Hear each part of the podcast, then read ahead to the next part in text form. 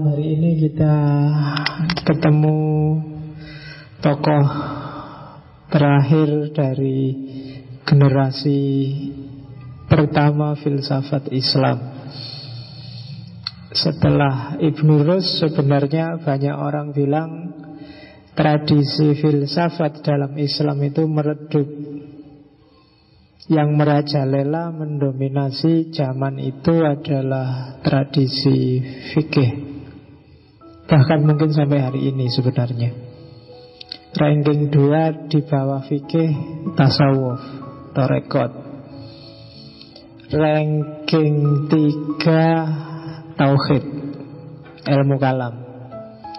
Dan kalau masih ada ya filsafat ranking 4 Kalau dianggap masih ada karena agak susah sekarang.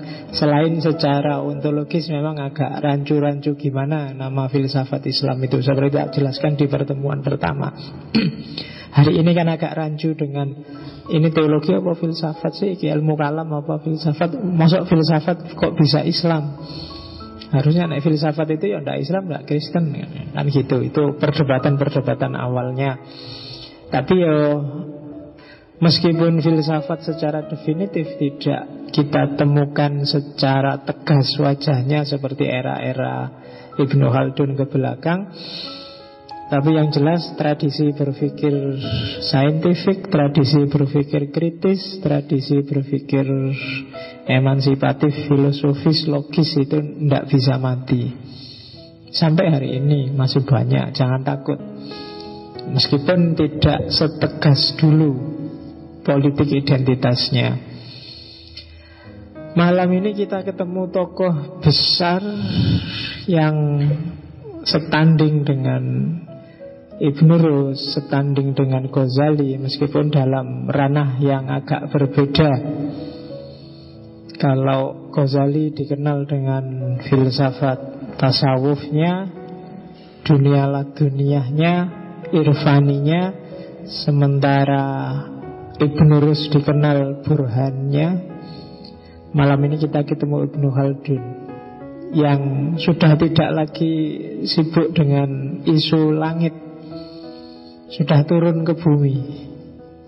Ibnu Khaldun dikenal sebagai tokoh filsafat sosial dan filsafat sejarah. Ada yang bilang dia bapaknya historiografi dan sosiologi ilmu sejarah dan ilmu sosial. Meskipun kalau dilihat dari sejarah tidak banyak umat Islam yang mengapresiasi Ibnu Haldun. Pikiran-pikiran Ibnu Haldun ini populer belakangan justru dalam tanda petik atas jasanya para orientalis yang membongkar-bongkar tradisi pemikiran Islam dan antara lain ketemulah dengan Ibnu Haldun orientalis yang dikenal membangkitkan kembali ide-idenya Ibnu Haldun namanya Franz Rosenthal.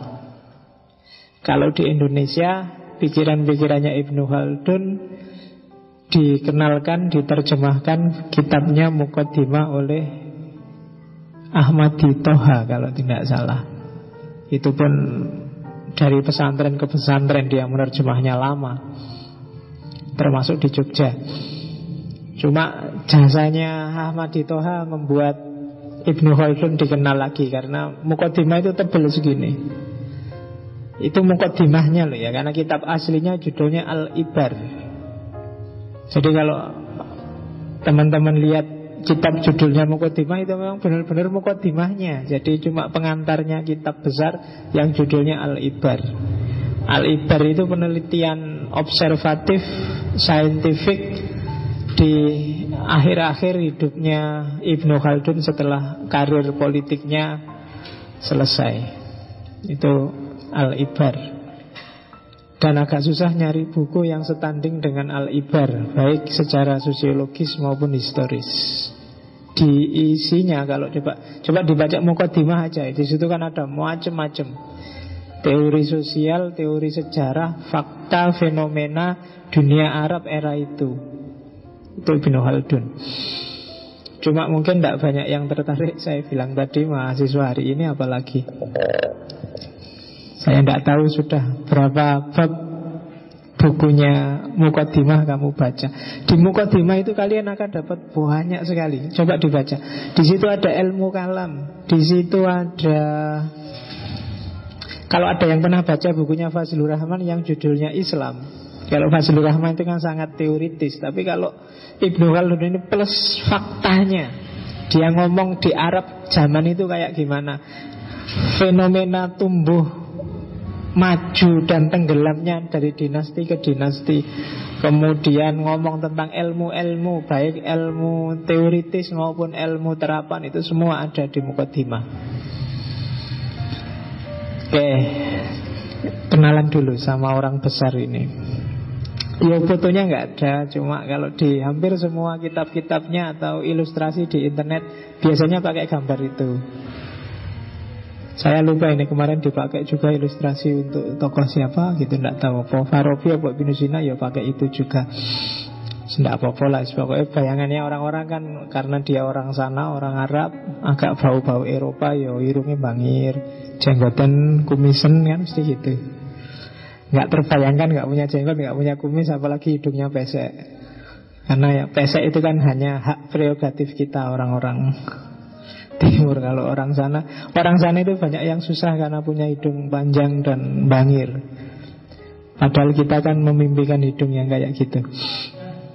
Kadang-kadang peradaban itu kan kebalikannya Orang Jepang, Cina itu sipit-sipit Mereka memimpikan mata yang lebar maka kalau bikin gambar orang, bikin komik itu kan biasanya matanya lebar-lebar, besar-besar karena mereka pingin yang besar-besar. Kayak kamu yang orang Indonesia yang karena merasa kulitmu coklat cenderung hitam kan bagi kamu ideal itu yang kulitnya putih. Maka apa? Kosmetik make up pemutih kan laris. Kalau penghitam nggak ada kan. Coba ada yang menghitamkan kulit itu nggak akan laku, tapi yang memutihkan kulit laku. Kenapa? Karena mimpimu adalah mimpi putih. Kiblatmu kiblat putih. Tapi orang Barat padahal nggak terlalu suka juga dengan yang terlalu putih. Oke, Ibnu Khaldun nama lengkapnya sepanjang itu. Mungkin kamu untuk menghafalkannya bisa 10 menit. Waliyuddin Abdurrahman bin Muhammad bin Muhammad bin Muhammad bin Al-Hasan bin Jabir bin Muhammad lagi bin Ibrahim bin Abdurrahman lagi baru bin Haldun Al-Hadrami. Karena nasabnya dari Hadramaut. Meskipun dia lahir dari Tunisia. Orang tuanya sebenarnya aslinya Andalusia tapi pindah ke Tunisia tapi keluarganya Ibnu Khaldun ini termasuk keluarga tua. Apa ya? Kalau di sini pokoknya keluarga keluarga sepuh lah dari keluarga yang abunya agak tua. Jadi keluarga yang terhormat dan terpandang.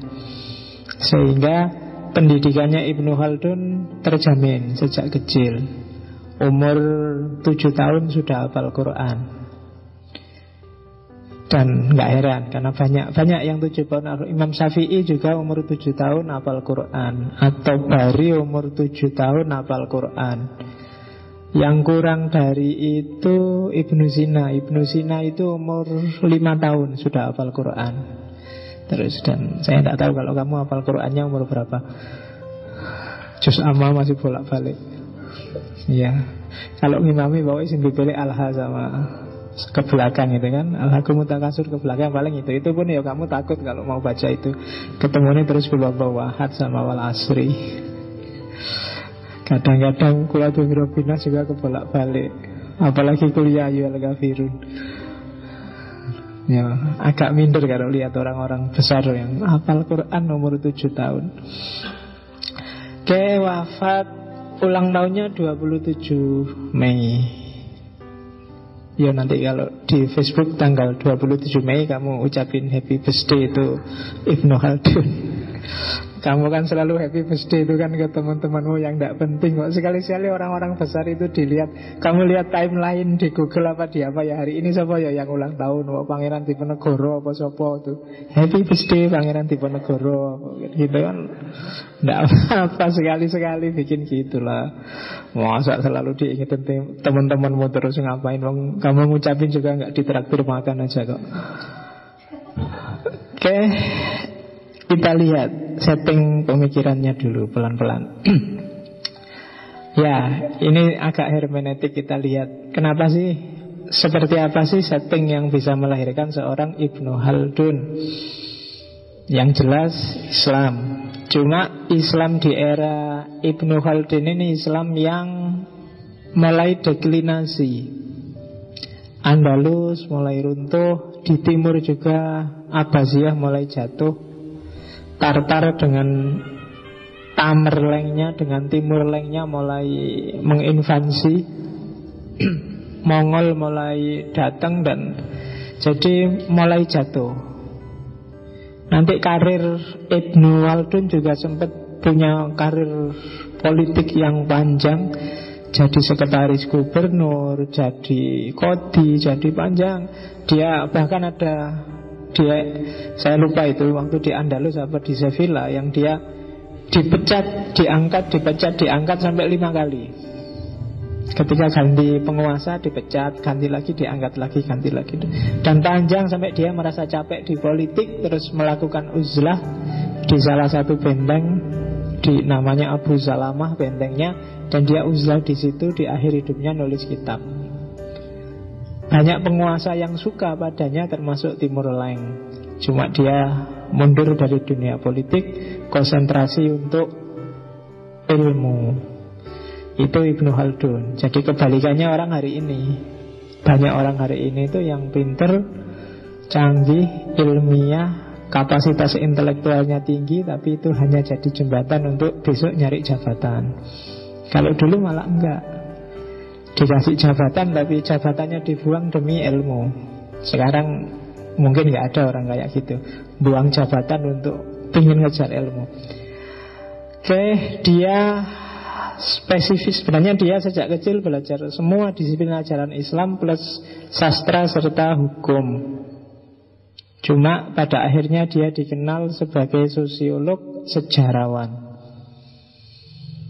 Dan hidupnya menjelajah ke mana-mana. Saya bilang tadi Dia termasuk dari keluarga Hadramaut Keluarga Arab tua. Kemudian orang tuanya dari Andalusia Tapi kemudian pindah ke Tunisia.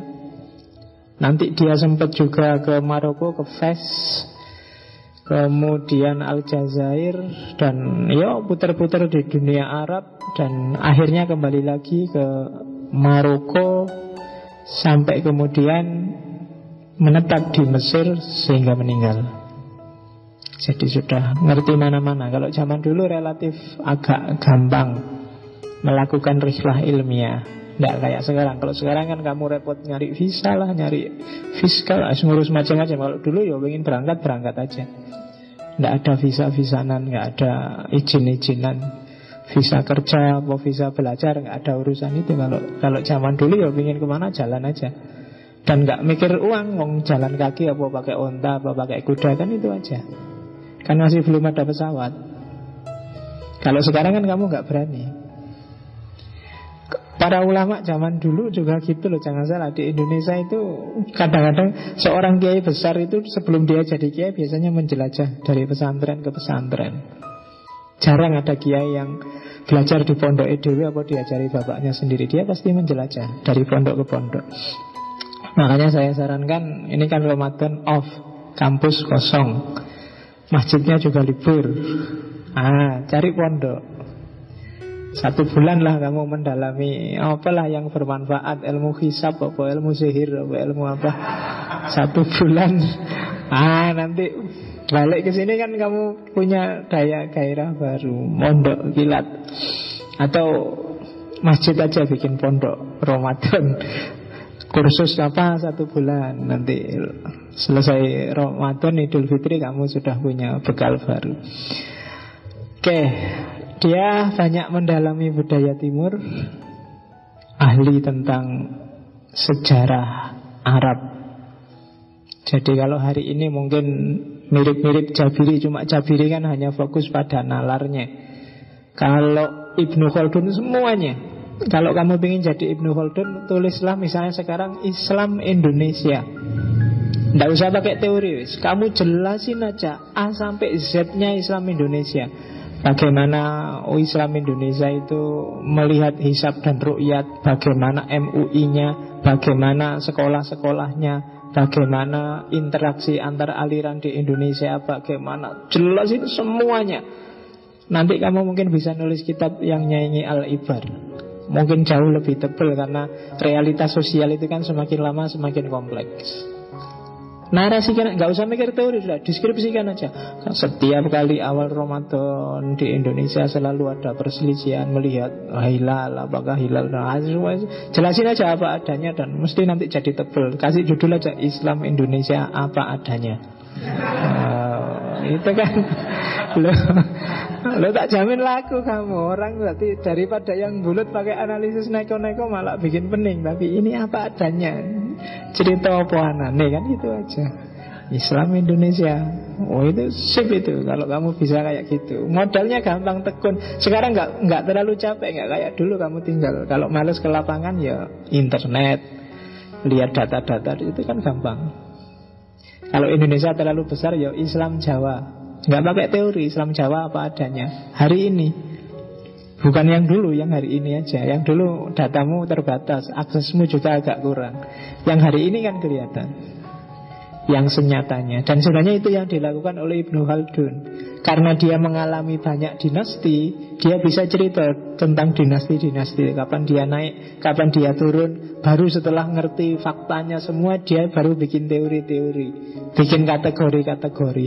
Oh berarti negara itu kadang ada naik, ada turun, ada jatuh, ada siklusnya, ada dan seterusnya. Jadi teorinya belakangan. Yang faktanya kan yang penting punya dulu.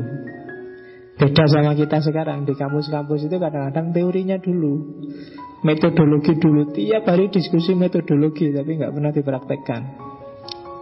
Pokoknya metodologi. Nah, kebalikannya kalau Ibnu Khaldun ini. Oke dan ya dia hidup di tengah-tengah orang Arab yang jadi objek kajiannya sendiri ya pasti aja dia bisa mendalam kalau bahasa antropologisnya baik secara emik maupun secara etik. Baik melihat permukaan budaya maupun kedalaman budaya. Dia sama-sama ahli di sana. Kemudian ya orientasinya ya semangat Islamnya tetap dibawa Nanti di banyak ah, teori-teori yang dia bangun tetap memasukkan bagaimana dialektika antara Islam sebagai ideologi dengan kenyataan hidup umat Islam sehari-hari. Jadi bagaimana umat Islam mendialogkan antara ideal dan realita hidupnya. Dan itu yang dibahas dalam Al-Ibar.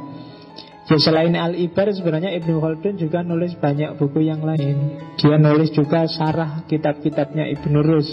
Dia nulis juga tentang aritmatika, tentang matematika multidimensi. Meskipun Ibnu Khaldun sendiri mengkritik orang yang multi talents. Nah, nanti kita lihat ya. Dia dia nggak suka. Dia dia pelopor yang namanya profesionalisme. Dia yang meng, menginisiasi spesialisasi kajian. Oke, nanti pikiran-pikirannya mengilhami banyak filosof barat mulai Agus Kom dan kawan-kawan, baik dari tradisi sosiologis, filsafat sosial, Termasuk juga dari tradisi filsafat sejarah. Mungkin pengaruhnya ke Hegel, Kant Banyak, kalau ditelusuri banyak ide-idenya. Makanya Sejak kemarin kan kita lihat ternyata memang lahirnya Renaisan dan meledaknya peradaban barat sampai hari ini dia jadi pelopor peradaban itu sebenarnya memang perannya Islam besar karena konsep-konsep dasar, ide-ide dan inspirasi awal dari semua bangunan dasar kemajuan barat itu dari Islam. Mulai kemarin Ibnu Rus, Ibnu Sina dan kawan-kawan. Oke, kita lihat sekarang sejarahnya. Ibnu Khaldun orang pertama yang bilang bahwa sejarah itu tidak semata-mata cerita tentang peristiwa yang terjadi tapi juga melibatkan subjek gitu. jadi kalau ada peristiwa A terus aku menceritakan peristiwa A itu ini kan namanya narasi sejarah dalam narasi sejarah ada dua variabel ceritanya sendiri dan aku yang cerita. Gitu. Kalau kemarin kamu SMA apa mungkin di pelajaran sejarah itu kan yang dikedepankan ceritanya. Tidak pernah dibahas siapa yang cerita. Nah, kalau ceritanya itu sejarahnya, siapa yang cerita itu biasanya jadi kesibukannya disiplin nantinya belakangan namanya filsafat sejarah. Jadi kalau ada berita apa pun Perhatikan juga siapa yang cerita dari siapa berita itu Kenapa itu menentukan Kualitas dan nilai dari sejarah dari siapa? Sama-sama ya memang ada sih penculian jenderal-jenderal Tapi cerita versinya Orde Baru Dengan cerita versinya era reformasi mungkin beda jadi dari siapa dulu yang ngomong? Ya paling gampang ya contoh hari ini itu loh Kalau kamu buka internet ada cerita tentang Prabowo. Ah, Kamu kan terus yang suka Prabowo atau yang tidak suka Prabowo kan terus bereaksi. Tapi sebelum bereaksi coba cek dulu. Itu dari siapa? Kamu lihat, oh ini kok muji-muji Prabowo terus. Oh ya wajar wong TV One. Kan gitu. Ya, Dari TV One ya mesti wae. Sementara yang di Metro mesti yang dipuji-puji Jokowi Coba lihat Dua-duanya ngomong tentang kampanye hitam yang dilarang. Tapi perhatikan ilustrasinya. Ketika TV One Larangan kampanye hitam itu mesti Yang diperlihatkan ilustrasinya bahwa Prabowo adalah korban kampanye hitam. Yang di metro kebalikannya Ilustrasinya adalah Jokowi adalah korban kampanye hitam. Maka tidak terlalu Ya penting sih narasi sejarah Cuma narasi itu dari siapa itu juga penting Dan kesadaran semacam ini Diintrodusir pertama kali oleh Ibnu Haldun Dan ini kalau diperhatikan nanti Memicu banyak sekali ide baru. Meskipun agak tenggelam di era modern Tapi ide semacam ini lahir kembali, kembali di tradisi postmodern Dengan pluralitas dan hermeneutiknya. Bahwa sejarah itu tidak melulu narasinya tapi juga dari siapa narasi itu datang. Dalam kondisi apa itu diceritakan. Kenapa? Karena dalam itu yang disebut filsafat sejarah tadi dalam konteks, dalam setting, di situ sudah melalui kontemplasi dan analisis dari si pencerita. Ya. Sama-sama ngaji kayak gini tergantung siapa yang melihat. Ada yang melihat, wah ngaji ini penting. Ada yang melihat, ya enggak daripada nganggur aja. Ada yang melihat, wah. Kenapa sih penceritanya yang ngomong?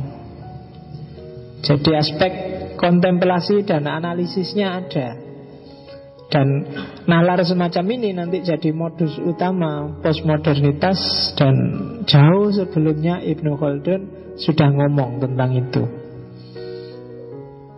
Oke, kalau Ibnu Khaldun melihat ketika dia menceritakan tentang fenomena masyarakat, dia biasanya pakai tidak cuma empiris tapi juga historis. Itu yang disebut tadi tidak cuma narasinya tapi juga settingnya.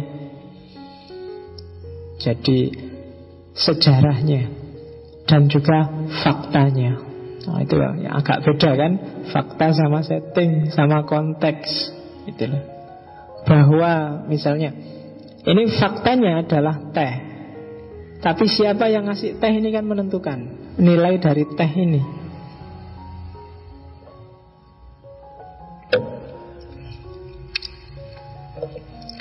Kalau yang ngasih takmir Itu kan jelas Kewajiban. Atau penghormatan kan gitu. Tapi kalau yang ngasih pacarmu, kamu bertamu di rumahmu, di rumahnya terus kamu dikasih teh itu kan nggak sekedar kewajiban, tapi apa ya? Apa ya kira-kira? Ya mungkin kasihan, mungkin basa-basi, mungkin macam-macam maknanya, ya kan? Oke. Jadi konteks kadang-kadang lebih penting daripada teksnya. Kalau dalam hermeneutik modern kan gitu. Misalnya tiba-tiba ada orang bilang padamu I love you. Terus kamu GR Wah berarti seneng padaku. Kamu suka padaku? Enggak itu loh kau semua ada tulisannya I love you. Loh, Itu kan konteks. Kata-kataku I love you Tapi ternyata maksudnya cuma baca tulisan di kaos. Itu kan jauh. Kalau berhenti di kata-kata nggak lihat konteksnya Itu memang wah dia sedang mengekspresikan cinta. Itu enggak. Cuma baca kebetulan mungkin kaosnya ada tulisan I love you Terus dibaca I love you Gitu karena ini kan menentukan. Kan pernah tak ceritain itu kan kata Saya pernah sholat Jumat itu Ono mahasiswa sholat pakai kaos. Kaosnya itu anu robek di belakang itu. Terus dilingkari pakai spidol seret Dikasih tulisan kecil Bedah rek. Iya. Jadi saya ngoco Aduh sholatnya jadi kacau Robeknya sih enggak apa-apa. Udah tak dilingkari pakai sepeda kayak tulisan. Berdarah itu Alah. Oke, ada lagi yang tiap kali saya di belakangnya selalu meso. Karena tulisannya besar-besar itu. Dasmu jadi setiap kali di belakangnya mesti mau ndasmu. Nanti ketemu lagi di lantai dua di belakang dia lagi, wah ndasmu lagi. Nanti ketemu lagi. Makanya hati-hati kalau milih tulisan di kaos kamu. Kadang-kadang isinya bikin orang tidak karu-karuan.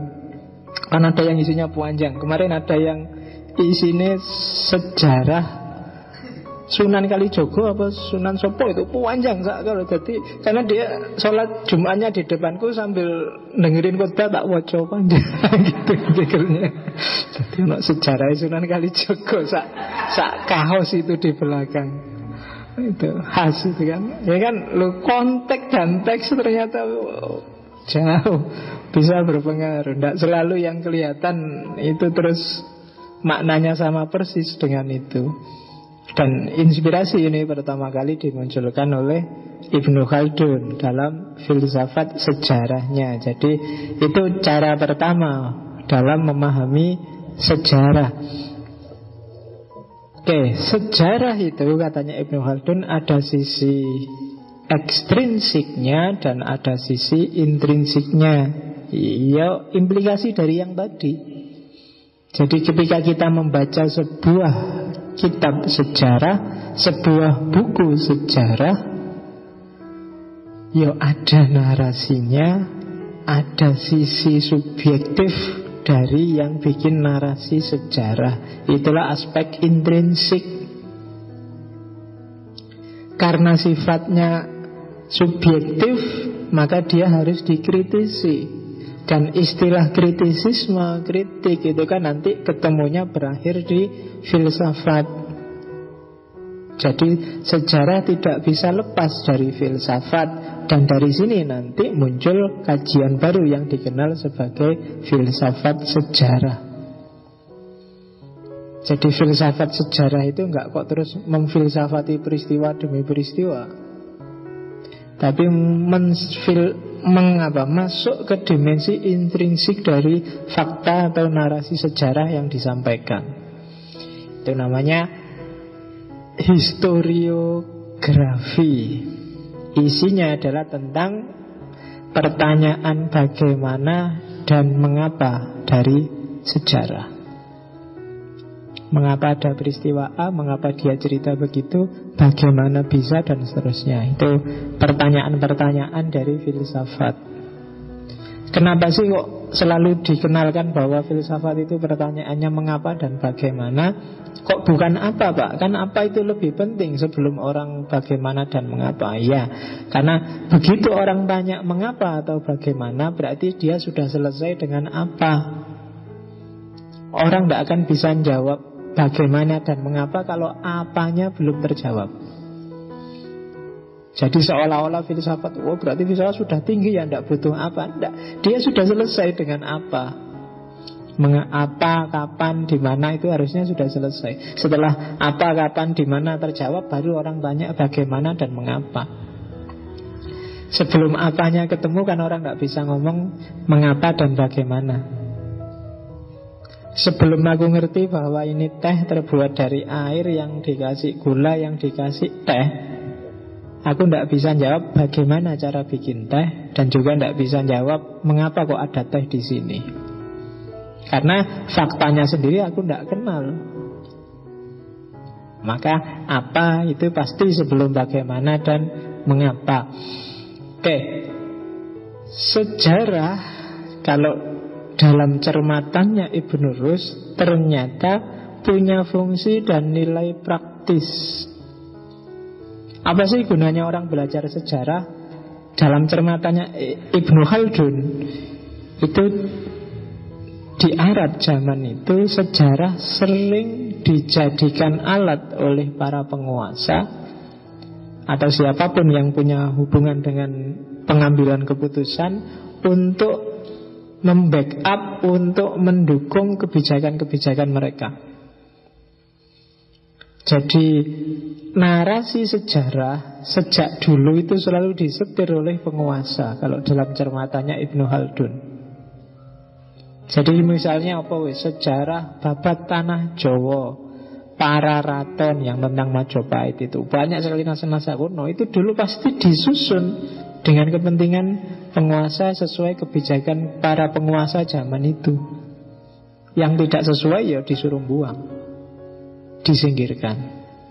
Kalau ada narasi-narasi sejarah versi yang agak menjelek-jelekkan yang punya kuasa pasti disingkirkan.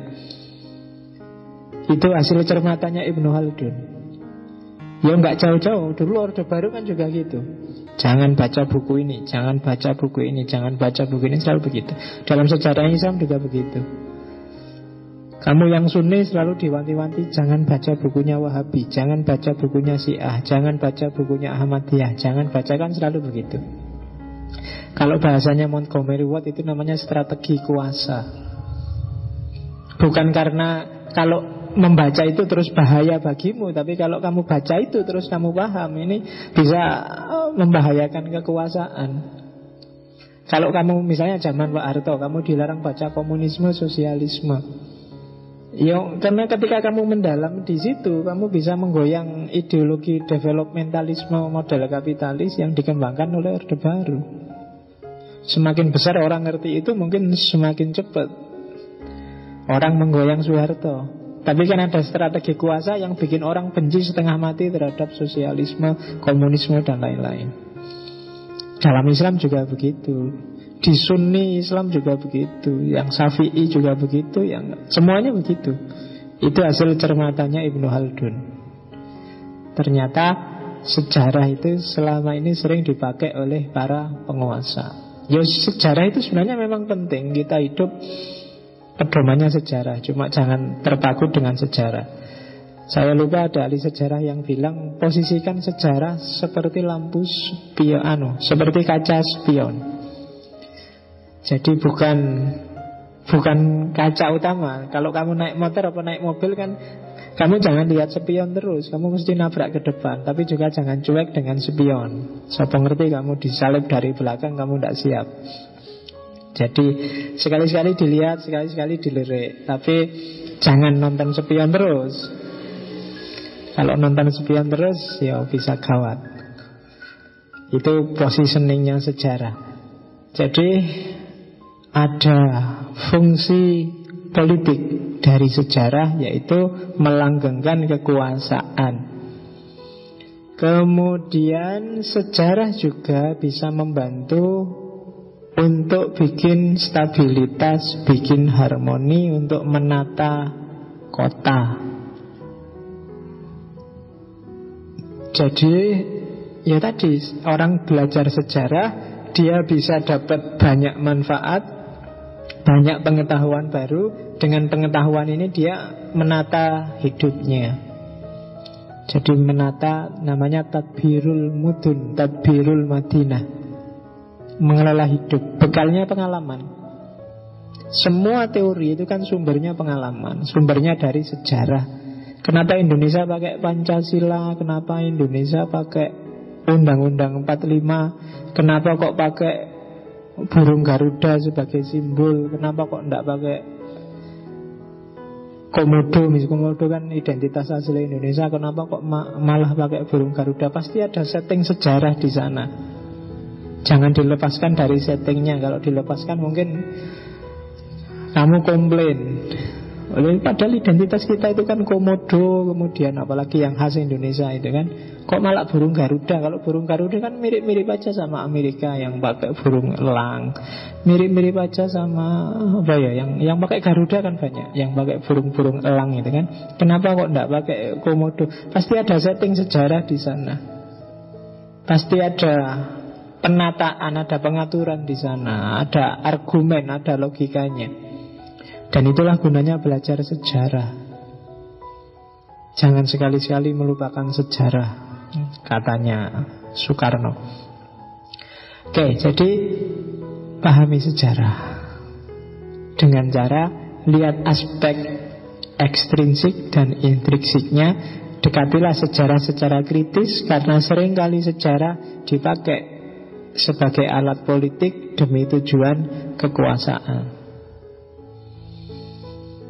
Oke, terus hati-hati ketika berdekatan dengan informasi-informasi sejarah. Ada banyak sebab setelah kita lihat konteks, telitilah dari konteks itu ada nggak ciri-ciri itu. Kalau ada ciri-ciri itu, kita patut curiga. Ciri yang pertama adalah orang yang membawa kabar, orang yang membawa berita itu, sejarah itu yang pertama, apakah dia fanatik enggak dengan ideologinya sendiri? Kalau dia fanatik, pasti sejarah ya, berita yang dia bawa tendensius, sesuai madhabnya, sesuai ideologinya. Fanatik itu berarti ya right or wrong my country. Benar salah Pokoknya pacarku paling cakep. Itu fanatik sudah. Jadi apa-apa pokoknya mesti Dua yang paling api Tidak mungkin salah Itu berarti fanatik. Kabar, cerita, sejarah Dari orang atau kelompok orang Atau lembaga yang seperti ini Itu perlu dikritisi. Karena biasanya tidak fair. Gitu. Yang dilihat baiknya dirinya saja dan jeleknya orang lain saja itu sering seperti itu. Jadi ciri pertama kemungkinan ada distorsi sejarah bahwa yang membawa cerita sejarah itu adalah seorang yang fanatik seorang yang sangat terikat oleh ideologinya kemudian yang kedua terlalu percaya. Orang yang apa? Gampang diapusi. Orang yang ya gampang percaya. Dikasih tahu A percaya, dikasih tahu B nah, Kalau yang membawa berita orang yang kayak gini itu juga rentan manipulasi. Jadi kamu dikasih tahu temenmu bahwa hati-hati lo ya, ada gini gini gini gini. Siapa yang kasih tahu kamu ini? Dia ini yang dikasih tahu ini coba kamu cek. Apakah anak ini teguh pendirian atau gampang diapusi? Kalau dalam ilmu hadis kan sangat hati-hati menerima berita dari orangnya ini. Nah ini jenis kedua. Jadi apakah orang ini mudah percaya dan mudah dibohongi? Kalau dia mudah percaya dan mudah dibohongi, hati-hati informasi dari orang ini. Yo bukan nggak salah sih dia, cuma mungkin dia tidak kritis dalam menerima berita. Jadi mungkin dia lugu, jadi manut wae dikasih tahu ke selatan, eh jangan ke selatan, sampai selatan, eh jangan ke selatan ke utara aja, dia ada pokoknya bulat. Orang yang tidak punya pendirian, orang yang Bahasa zaman dulu menyebutnya imannya lemah. Agak berat. Imannya lemah itu berarti keyakinannya gampang goyang. Kamu kuliah nggak usah pacaran, pacaran itu ganggu. Pokoknya kamu nggak lulus lulus kalau pacaran iya tuh, iya, ya bisa aku nggak pacaran. Begitu temennya pacaran, aku pacaran malah semangat belajar sekarang. Malah rajin ke kampus, malah anu. Berarti harus pacaran, iya, iya tak cari pacar. Ya orang kayak gini yang perlu hati-hati kamu Berarti gampang dipengaruhi Begitu baca Facebook Uh, ternyata Jokowi itu Cino tuh. Wow, Cino ternyata. Aku enggak Jokowi Prabowo gitu. Uh, Prabowo itu ternyata keluarganya non muslim tuh. Wah, aku eh, bolak balik tiap hari kamu akan gitu kalau. Kenapa enggak punya pendirian? Dari orang jenis ini riwayatnya harus hati-hati. Bukan salah dia karena dianya sendiri memang lemah. Jadi siapa dulu yang cerita sejarah Jadi yang pertama terlalu saklek fanatik, yang kedua terlalu cair jadi malah nggak jelas orangnya. Yang ketiga tidak mampu memahami maksud dalam informasi yang diterima. Ini hubungannya sama IQ. Kalau orangnya IQ-nya tidak terlalu tinggi, mau buku paham-paham, dikandani bulat bingung terus tiap hari. Ya informasi dari orang ini juga harus dikritisi. Jangan-jangan dia salah paham. Ya. karena ya IQ juga menentukan daya tangkap itu kan menentukan. Dikasih tahu apa tapi pemahamannya apa. Minggu depan kita kosong ya Tak paham dia Lu kemarin katanya cuma kosong pak Ternyata libur tuh Iya kosong itu ya libur Nggak bisa beda ke antara libur sama kosong Iya, dibayangkan mungkin kosong itu apa, kelasnya kosong apa, no kosong, sih penting kuliahnya tetap jalan mungkin gitu. Padahal ya kosong itu ya libur. Ini. Oke, jadi orang yang ketiga yang perlu dikritisi informasi yang dibawa adalah IQ-nya tinggi enggak? Oke ya. Ya zaman sekarang banyak orang bilang IQ itu tidak penting pak. Yang penting IQ atau SQ Ya semuanya penting lah. Bukan berarti kalau IQ dan SQ penting Terus IQ tidak penting. Ya IQ juga penting. Karena Apa pun namanya gerbang pertama Pemahaman manusia itu akalnya. Daya tangkap melalui rasionya. Kalau IQ-nya rendah, emosinya juga kacau. Spiritualitasnya tidak akan bisa sampai puncak. Kenapa? Daya tangkapnya rendah. Apalagi agama, spiritualitas itu kan agama. Butuh daya tangkap, butuh rasio yang luar biasa karena objeknya objek spiritual, objek yang tidak fisik. Itu kalau IQ-nya tidak tinggi Itu ya juga pontang-panting Memahaminya. Sehingga Kayak di Ibnu Tufel kemarin kan oh, Bisanya cuma ketika dikasih simbol-simbol Beragama dengan dasar simbol. Jadi pokoknya sholat kalau jamaah 27 derajat Kalau besok masuk neraka. Pokoknya fisik semua. Kenapa? Tidak bisa berpikir abstrak. Akalnya nggak nyampe Ah, jadi IQ ya penting.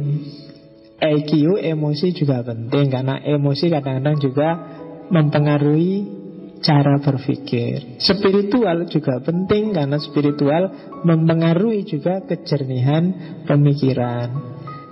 Tapi kan pada akhirnya ujungnya tetap ke daya tangkap yang namanya pikiran IQ. Jadi kalau selama ini kamu sudah seneng meskipun IQ saya rendah tapi IQ ku kan tinggi pak, SQ ku kan tinggi pak. Yo, itu sebenarnya paralel. Jadi orang yang emosinya stabil, spiritualitasnya tinggi, biasanya memang dia cerdas. Meskipun Kadang-kadang ada orang yang sangat cerdas tapi emosinya nggak stabil, spiritualitasnya nggak tinggi.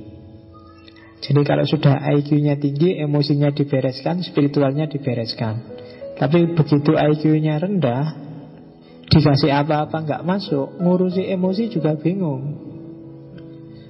Dihibur malah marah-marah. Ya kan, temennya mau bantu dia malah tersinggung. Nah, susah. Kenapa? Emosinya nggak stabil, daya tangkapnya agak berat. Daya domnya rendah. Mahasiswa model kalau zaman dulu saya punya dosen yang kalau ada mahasiswa susah paham-paham, dia marahnya mesti pakai istilah kamu mahasiswa. Awalnya dia pakai kampret. Mahasiswa kampret kan. Kenapa? Gak paham-paham. Lama-lama dari kampret diganti jerapah. Jadi kamu mahasiswa jerapah. Karena antara akalnya sama hatinya sama anunya kan jauh Jadi mikir jauh sampai baru paham Jauh sekali akalnya Jadi yang lain sudah ketawa Dia ketawanya belakangan Baru wah Karena akalnya ada di sana Terus anunya jauh terus. Jadi disebut mahasiswa jerapah Oke Mahasiswa yang dongnya lama. Dikasih tahu nggak paham-paham keluar kelas baru paham. Oh itu tuh yang dimaksud dosennya. Itu mahasiswa jerapah. Oke yang keempat berasumsi secara salah terhadap kebenaran informasi karena terlalu percaya kepada sumber informasi. Jadi orang yang penuh prejudais selalu punya asumsi-asumsi dan kebetulan asumsinya keliru jadi orang yang penuh kalau bahasa Indonesianya sakwasangka. Nah, tadi pokoknya. Ah, kalau orang sana itu mesti gitu deh. Ah, Madura, Madura gitu mesti keras-keras orangnya. Ah, itu kan prejudais namanya. Ah, kalau orang Jawa mesti kelemak-kelemek. Ah, kalau orang Medan mesti sukanya teriak-teriak. Ah, kalau orang Jakarta mesti egois, sukanya lu gue. Ah, itu prejudais. Dari orang yang suka prejudais ini Kamu harus hati-hati menerima informasi Karena informasi itu pasti sudah diolah dulu oleh dia Pakai prejudaisnya Ah, mahasiswa UIN Mesti gitu kayaknya Ketua Rois, mesti Ah, itu kan prejudais Katanya siapa? Mahasiswa UIN Deso kan enggak kan? Yang Kalau UIN itu apa? Cirinya biasanya dikenalnya.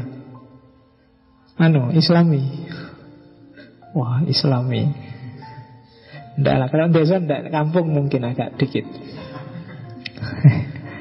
Ada teori desa Apa bedanya desa dan tidak desa? Dari Ibnu Khaldun nanti belakangan. Oke, kemudian yang keempat tidak mengetahui kesesuaian antara kondisi yang dikandung informasi dengan realitas sebenarnya. Jadi orang ini buta kenyataan. Misalnya orang yang tidak pernah ke Mekah cerita tentang Mekah. Ini kan berarti informasinya boleh kamu tanda petik. Haji itu panas kalau di sana itu lah. Sampai pernah ke sana? Nggak pernah. Katanya, oh nggak pernah. Ya sudah, belum berarti kan Ya mungkin dia benar informasinya Tapi kasihlah dalam tanda petik Kritisi dulu Karena tidak mesti benar informasi dari orang ini Karena dia nggak pernah ngalami Ya kayak tadi loh Jangan pacaran Pacaran itu ganggu sekali kuliah Sampai pernah bawa pacaran? Nggak pernah Loh nggak pernah Ya mungkin benar dia. Tanda petik aja dulu Coba dicek. Coba tanya yang memang pacaran. Biasanya pacaran yang mendukung kuliah itu pacaran dengan teman sak kelas. Karena tiap hari ingin ketemu jadi rajin kuliah. Paling apes kalau beda kampus. Apalagi beda daerah Itu biasanya ganggu karena boros pulsa. Oke Ya kan Biasanya orang pacaran itu kan yang paling kelihatan kan nggak pernah nelpon sebentar Nelpon mesti suwi dan boros pulsa itu. Ya kalau mau ngirit ya anu, cari yang gratisan smart friend sama smart friend gratis terus mentari cari yang paket gratis ngobrol 3000 sepuasnya. Biasanya gitu. Oke. Yang selanjutnya Apa itu? Cenderung mendekatkan diri pada penguasa. Partisan. Ini juga harus dikasih tanda petik. Orang-orang yang dekat dengan penguasa itu biasanya penuh dengan kepentingan. Dan yang terakhir tidak mengetahui logika sejarah, nalar peradaban. Tidak kenal tren yang hari ini sedang berjalan seperti apa.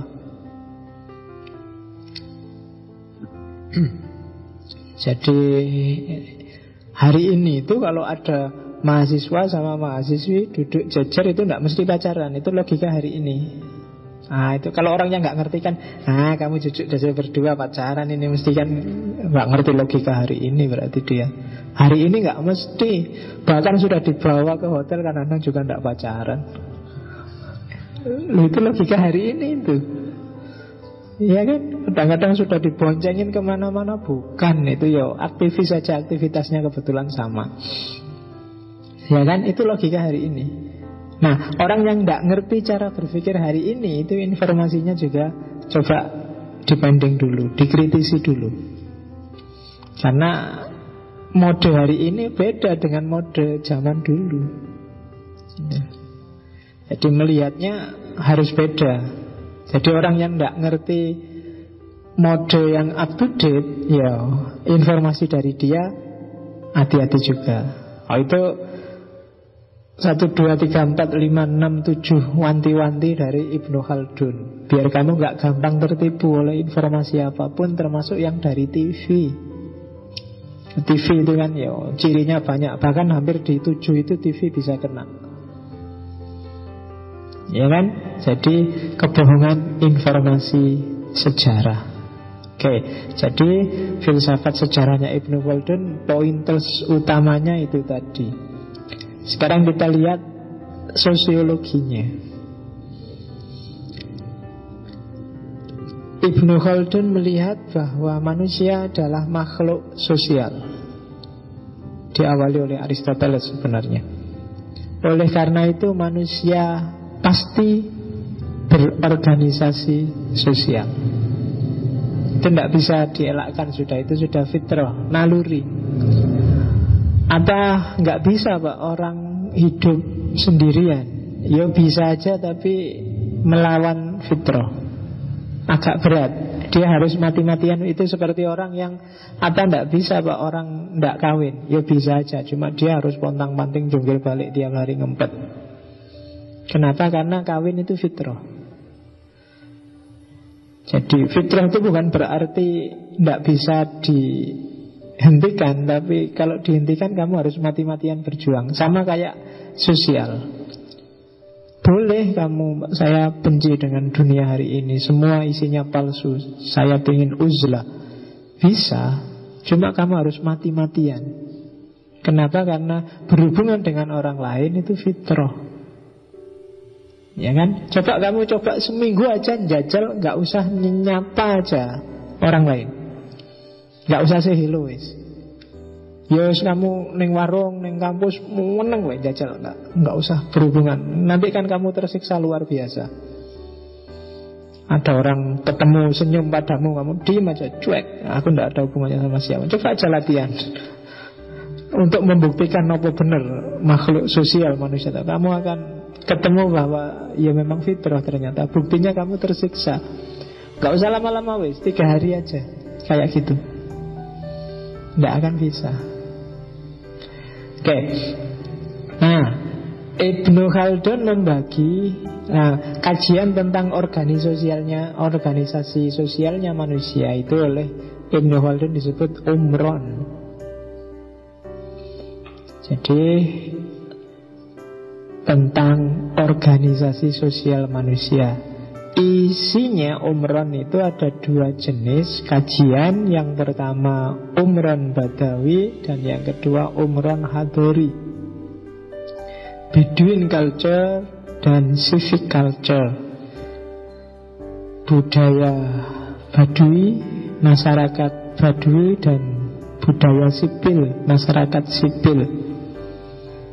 Masyarakat yang sudah hadiri masyarakat beradab dan masyarakat badui Masyarakat desa dan masyarakat kota Itu nanti jadi kajian khasnya Ibnu Haldun Cirinya badui apa? Cirinya desa apa?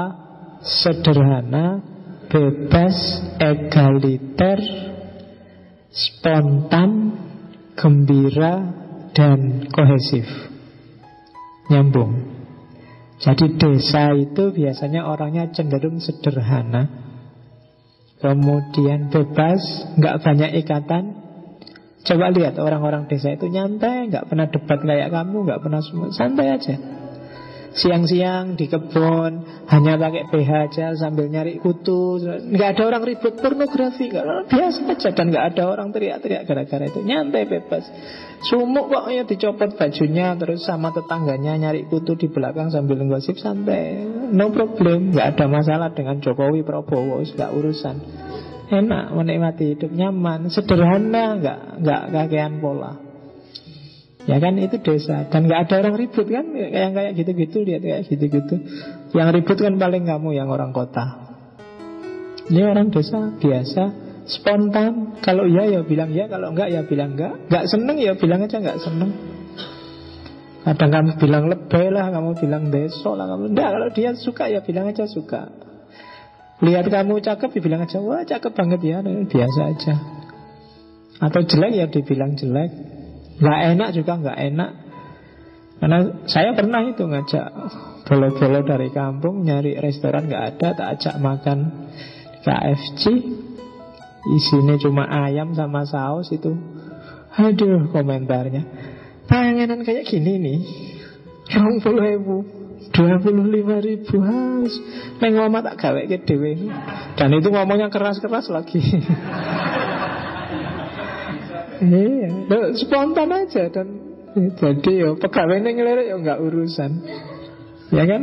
Begitu mau pulang bungkusi semua. Eman eman, eman eman dibungkusi semua. Kalau kamu kan jaim mesti nggak mau lah ya, tapi dia dibungkusin. Nah, spontan aja, nggak nggak terlalu. Kalau kamu kan apa apa mesti mikir kan, wah ini bikin malu, ah ini lebay, ini enggak lah dia, iya ya iya, enggak ya enggak. Badawi, gembira, Kenapa ya? Karena tadi dia bebas berekspresi, santai. Jadi jadinya gembira. Yang bikin kamu sumpah itu kan kamu terlalu banyak bikin penjara, terlalu banyak bikin sekat untuk ekspresimu sendiri. Tuh.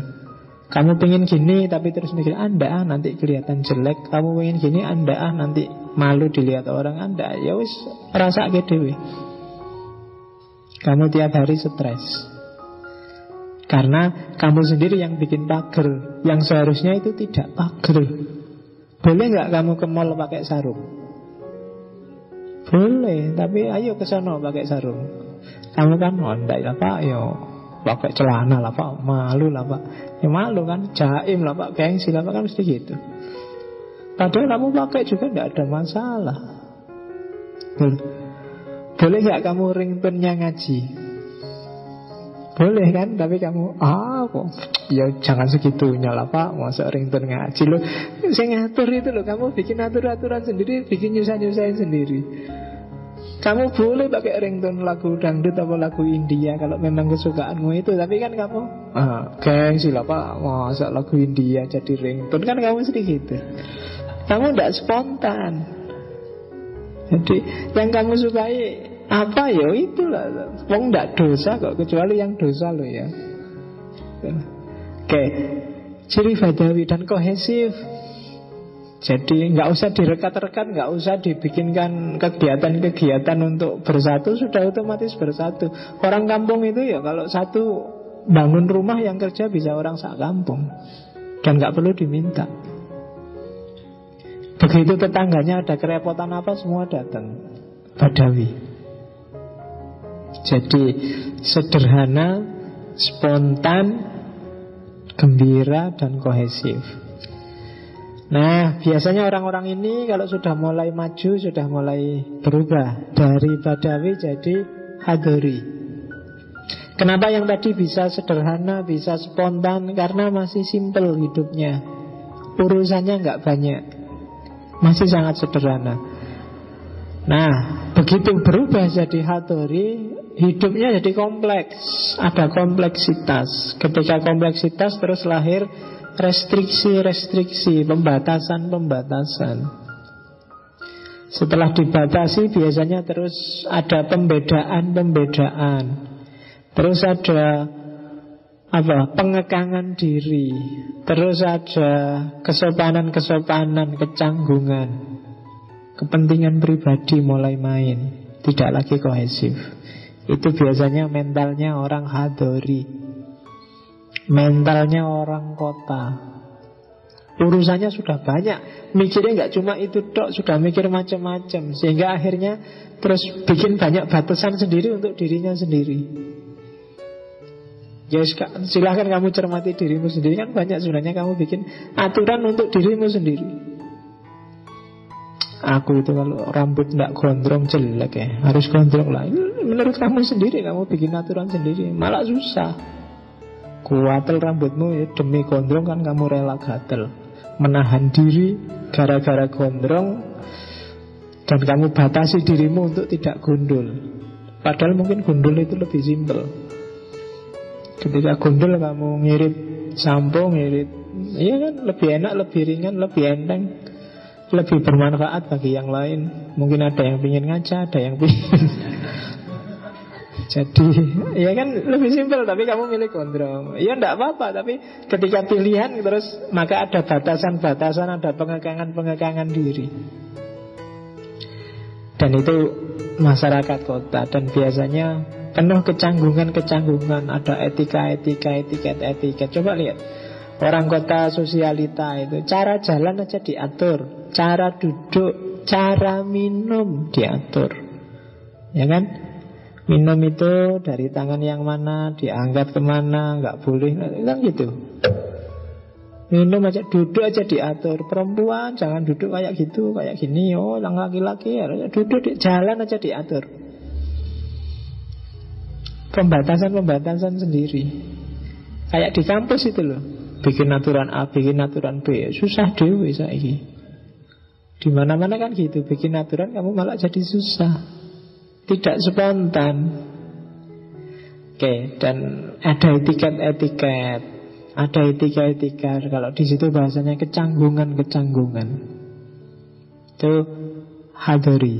Ini dari sisi mentalitasnya loh ya Bukan dari sisi materi dan wajah peradabannya Karena hadori jelas lebih warna-warni Lebih indah, lebih maju dibandingkan yang badawi Yang sederhana, spontan keberagamaan Badawi dengan keberagamaan Hadori ya beda. Badawi kalau di Mekah ya lahirnya model-model keberagamaan agak Wahabian, agak Salafian, sederhana, tidak rumit. Ayatnya itu ya dilakukan itu kan gitu aja. Mereka tidak bisa diajak berpikir rumit. Kalau di Indonesia ya yang tradisional pokoknya apa katanya kiai kuwi wis ndak usah debat-debat diskusi-diskusi jiwa capek. Pokoknya agama itu ya apa kata kiainya simple, nggak rumit. Kamu yang kuliah kan yang rumit susah karena PDW. Akhirnya malah ndak sholat, ndak poso, ndak jelas. Padahal ada yang lebih simple. Cuma karena kita sudah orang kota terus jadi barang gampang jadi rumit. Ah, dan kalau dalam analisisnya Ibnu Haldun, masyarakat itu biasanya dari Badawi terus berkembang ke arah Hadori. Tapi Hadori ini pada akhirnya akan jatuh lagi ke Badawi. Jadi karena peradaban itu cyclical, muter. Jadi orang kota itu nanti ketika jenuh di kota kan terus merindukan desa.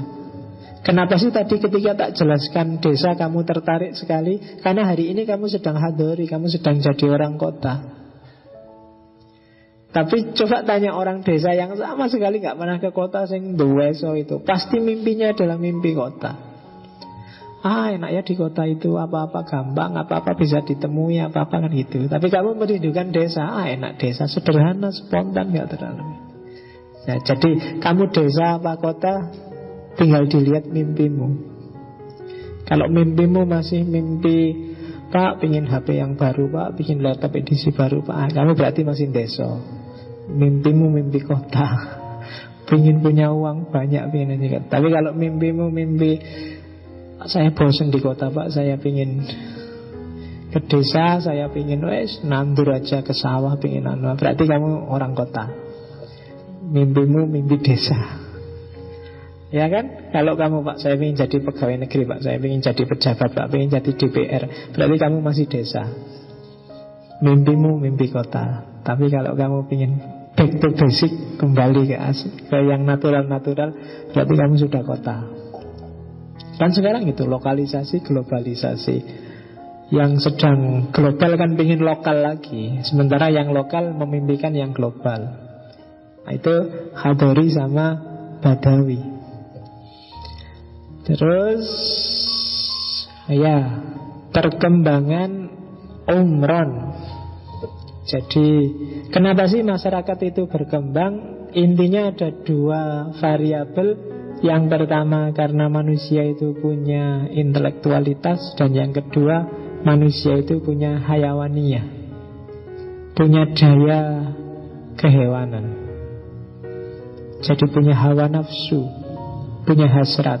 Itu yang bikin manusia itu selalu muter berkembang Dikasih A pengen B, dikasih B pengen C Dikasih A pengen, sudah jadi kota pengen kayak desa Sudah desa pengen kayak kota dan selalu begitu Kenapa? Karena manusia punya akal Dia punya intelektualitas Dan dia punya hawa nafsu. Itulah khasnya manusia. Jadi enggak kemerungsung ambisi dok Tapi ada kendali namanya akal, intelek. Juga nggak bersih pakai akal aja Tapi juga ada ambisi-ambisi. Dan itulah yang bikin hidupnya manusia dinamis Meskipun para filosof yang kemarin kita bahas Semuanya bilang akalnya yang yang harus merajai. Tapi kalau di Ibnu Khaldun Seringkali yang terjadi sebenarnya adalah Yang duluan gerak itu nafsunya, hasratnya, hayawaniahnya. Kamu ingin atau tidak ingin dulu Baru akalmu kerja untuk menjustifikasi ingin dan tidak inginmu Itu dalam cermatannya Ibnu Haldun Kamu mau atau tidak mau dulu Baru terus akalmu cari alasan Kenapa kok kamu mau, kenapa kamu nggak mau kamu suka apa nggak suka dulu baru yang rasional-rasional belakangan. Kenapa kamu Jokowi atau kenapa kamu Prabowo? Itu coba, mesti karena kamu pada awalnya sudah condong, sudah cenderung, sudah suka atau sudah tidak suka. Argumennya kamu cari belakangan. Argumen yang tidak cocok kamu buang yang cocok. Nah, benar tau? Nah, benar tau mesti gitu. Tapi yang tidak cocok, ah ini pencitraan, ah ini fitnah, ah ini black campaign. Tapi ketika cocok sama kamu, lo kan, apa aku bilang, lo kan harus gitu. Dan manusia selalu begitu. Bahkan berhadapan dengan Quran dengan dalil kan juga gitu. Quran juga kamu pilih-pilih yang sesuai kepentinganmu.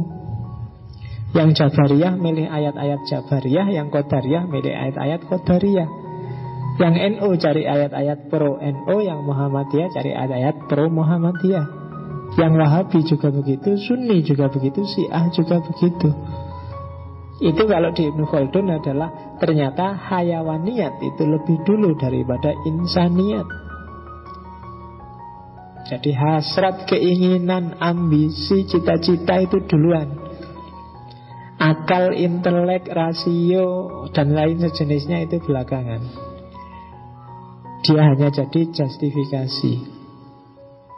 Dan dari adanya dialektika antara hasrat dan keinginan inilah nanti lahir peradabannya manusia. Tanpa ada hayawaniat, ya tidak akan lahir peradaban besar. Yang ada peradabannya malaikat. Akal saja. Tapi nggak ada akal juga Peradaban akan rusak Yang ada peradabannya setan Karena ini dua hal yang bertentangan Nggak mungkin Ada peradaban utuh tanpa ada dialektika antara hayawaniat dan insaniat. Yang satu agak kemalekatan, yang satu agak bau setan. Yang setan sama malaikat itu kan nggak bisa jadi satu. Kecuali kalau zaman saya dulu kecil ada pertanyaan perbuatan apa yang disukai tidak disukai setan dan tidak disukai Tuhan. Itu kan terus susah jawabnya ternyata jawabannya adalah membawa lari istrinya setan. Wah, terus itu. Kalau sudah dijawab, musuhnya tanya lagi. Ayo kebalikannya sekarang. Perbuatan apa yang disukai Tuhan dan sekaligus disukai setan? Kan bingung apa? Ternyata jawabannya menyelamatkan anaknya setan yang sedang kecemplung di sumur itu. Nah, itu kan disukai Tuhan juga disukai setan. Itu dalam kuis. Emangnya ada bawa lari istrinya setan gimana? Oke, jadi peradaban akan bergerak dan dinamis kalau ada saling imbang antara dimensi hayawaniat dan insaniat. Ambisi, hasrat, keinginan harus hidup. Kalau ini mati, tidak jalan peradaban.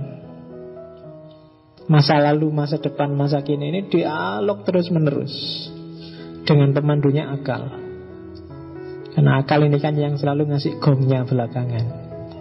Dari situ lahirlah dinamika sosial dan perubahan sosial. Hanya saja nanti ada agak beda sikap antara orang barat dan orang timur dalam menyikapi dinamika sosial. Ini bisa kamu debat, cuma mungkin Ibnu Haldun melihat biasanya keumumannya. Kalau orang timur itu cenderung mengabaikan masa kini karena dia jatuh cinta dengan masa lalu. Ya kan? Kayak kamu, wah dulu Islam yang dulu jaya enak, kan gitu. Dulu, oh selalu dulu Orang timur selalu dulu Kamu selalu ingin Ah seandainya kembali ke masa kecil dulu ya kan Kamu selalu begitu Khas orang timur itu Jadi selalu memimpikan kembali ke masa lalu itu orang timur. Kebalikannya kalau orang barat. Kalau orang barat, enggak. Jadi dia melihat masa kini demi masa depan dengan bekal masa lalu. Tapi kalau orang timur suka dengan klasik, suka dengan yang yang lalu-lalu. Bahkan yang lalu nggak enak itu loh kamu mimpikan. Kayak apa jargonnya Pak Soeharto itu loh piye kabare le enak zamanku to itu kan masa lalu sebenarnya dan masa lalu itu memang romantis sehingga setiap orang banyak yang mimpi kembali ke masa lalu. Kami kan sering Wah zaman kecil dulu ya Tidak ada listrik, tidak ada lampu Adanya cuma radio yang hanya lagu dangdut dan nasi daria Terus sering Kamu kan seolah-olah ingin ke sana lagi. Sekarang sumpek, sekarang mbak enak kan selalu begitu. Bahkan pada saatnya dulu kamu caci maki Pak Soeharto, sekarang kamu rindukan lagi. Kamu gimana Pak? Enak zaman Soeharto dulu kan? Ya, iyalah.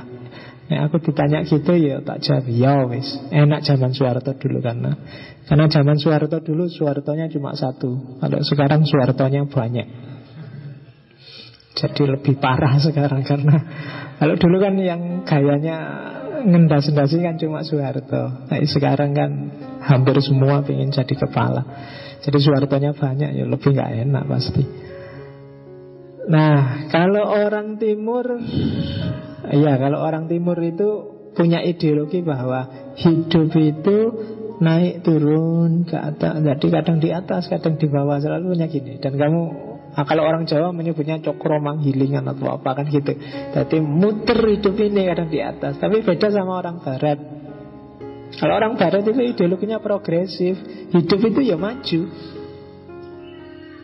Jadi bergerak maju. Bahkan kan banyak istilah apa film yang judulnya Back to the Future. Back itu kan balik, kembali, kembalinya aja ke masa depan kalau orang Barat. Kalau kita kan mundur mesti kan Kita selalu lihat spion Islam pun yang kita bangga-banggakan kan selalu yang masa lalu. Jarang kita lihat masa depan lah Asik gitu. Kita berjuang demi masa depan Tapi kan enggak kalau orang timur Kita bangkitkan lagi kejayaan masa lalu kita Karena sedikit gitu Apalagi orang Indonesia Mau Pahit zaman dulu Mataram zaman dulu kan mesti kiblatmu ke sana kalau orang barat enggak, progresif dia. Oke lah, kita punya bekal masa lalu demi apa? Lepas landas di masa depan. Itu beda cara menyikapi perubahan sosial antara orang barat dan orang timur. Ya, kamu bisa merasakan lah rasanya. Kalau Indonesia itu, yo kamu masih ke belakang, terus masih kelenek-kelenek, masih horor-horor, masih itu kan masih laku luar biasa di sini. Di barat juga laku, tapi Hantunya sudah beda sama hantu. Kalau di sini hantunya masih pakai pocong, masih pakai baju putih, di barat sudah pakai jas, sudah pakai. Coba lihat film-film vampir, film mana kan sudah kemasannya luar biasa. Masa depan hantunya aja diproyeksikan ke masa depan. Kalau kita sejak dulu hantunya ya cuma pocong, nggak pernah ganti baju. Model-model itu kasihan kan ya sekali-sekali hantunya yang agak trendy gitu. Barat aja bikin film vampir jadi apa?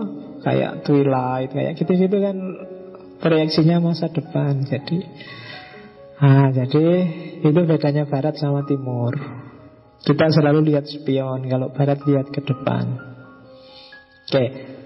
Kemudian peradaban negara, sejarah, komunitas sosial kalau bagi Ibnu Khaldun sifatnya adalah cyclical Melingkar. Jadi lahir, tumbuh, dewasa, stagnan, degradasi, menurun, akhirnya mati Dan nanti akan lahir lagi. Kalau mau dibangkitkan dia akan lahir lagi. Ya fase hidupmu sekarang tinggal dicermati. Kamu sekarang lahir sudah, tumbuh sudah, dewasa. Sudah belum ya dewasamu? Aku tidak ngerti. Kalau sudah dewasa biasanya terus stabil, stagnan Kalau sudah stagnan, sudah mapan Punya anak dua tiga biasanya ya sudah degradasi. Sudah menurun Mulai punya penyakit satu dua dan lain sebagainya. Dan gongnya ya itu sudah mati.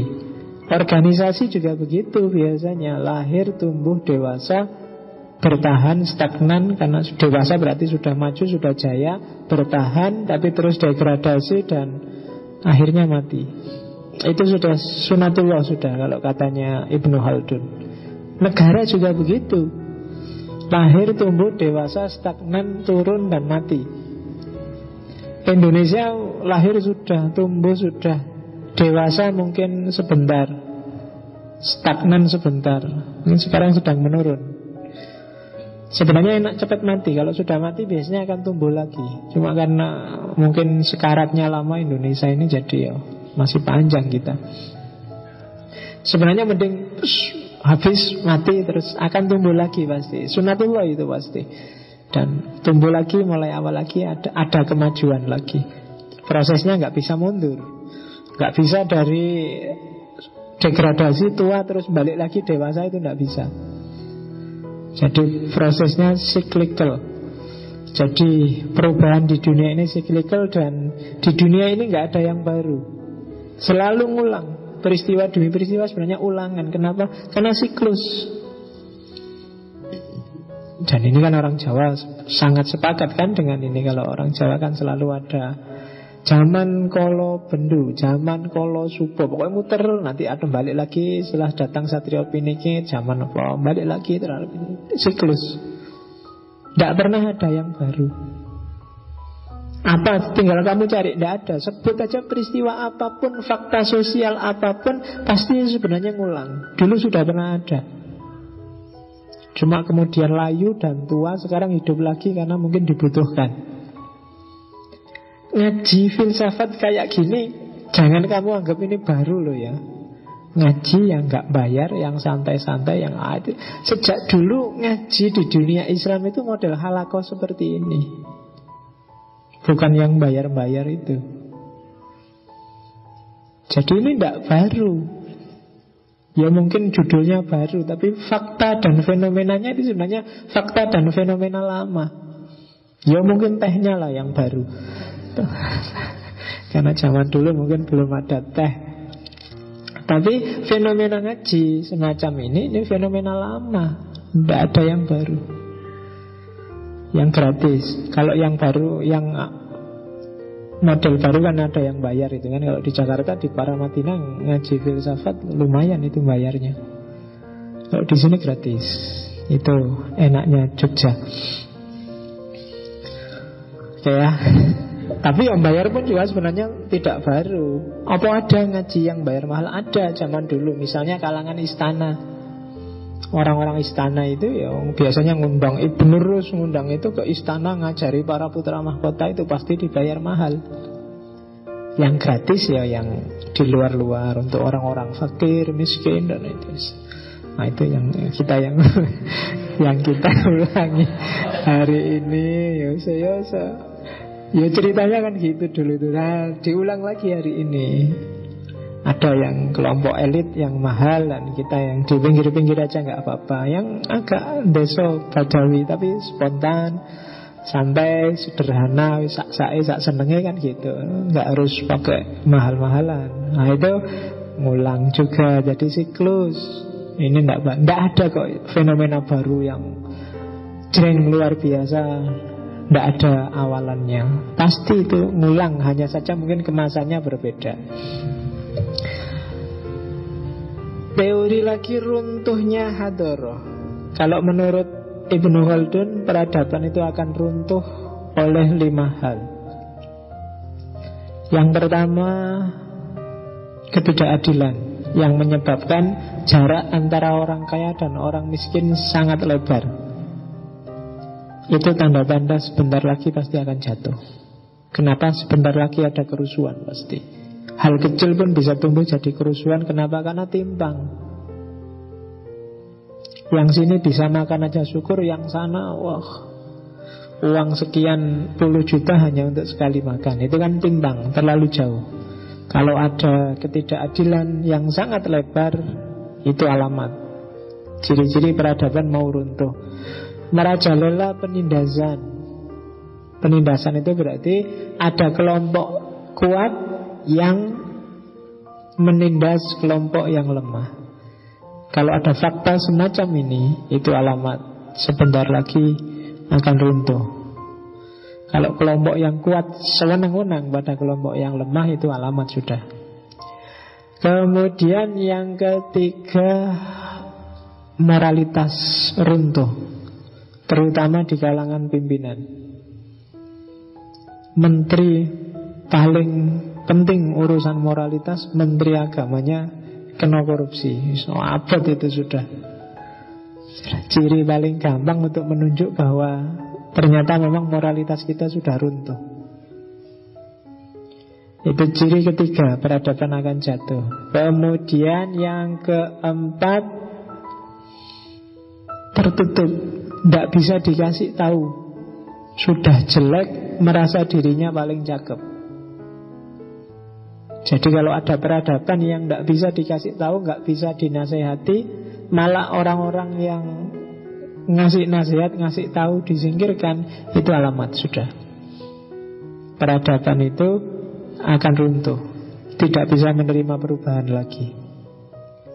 Dan yang terakhir Ya seandainya nggak ada yang empat itu Kalau ada bencana alam besar-besaran Ya pasti runtuh dia Kok yang dilalah menurut saya Lima-limanya di Indonesia ada. Bencana alamnya ada Moralitas runtuhnya ada Kezaliman ada Ketidakadilan banyak. Oh itu berarti Satu-satunya jalan bagi kita adalah ya mengalami totalitas itu tadi. Sekalian terus mati terus ganti. Atau kita ganti aja namanya Indonesia kita bubarkan Indonesia ganti nama nah itu kan enak solusi paling gampang biar kita nggak bayar utang Loh iya, ganti nama. Nanti kalau luar negeri ayo bayar. Loh, dulu kan yang utang Indonesia. Sekarang Indonesia nggak ada. Jadi tidak bisa dituntut untuk bayar utang. Jadi kita bubarkan Indonesia, kita bikin yang baru, entah namanya apa lah gitu. Tapi yang jelas ada ciri-ciri keruntuhan hadoro, keruntuhan kota. Ya nanti setelah runtuh akan mulai dari paling awal lagi Mulai dari Badawi lagi. Mulai dari desa lagi Gayan desa lagi. Kenapa? Karena memang peradaban itu sifatnya siklus. Oke. Nah Apa sih fondasi paling kuat Biar negara nggak cepat runtuh ini salah satu teori yang original dari Ibnu Khaldun namanya asobiyah, ta'asub. Kohesi sosial. Ya banyak orang bilang jangan ta'asub. Tapi teorinya Ibnu Khaldun kebalikannya. Justru kalau ada kohesi sosial yang namanya ta'asub, negara punya pondasi.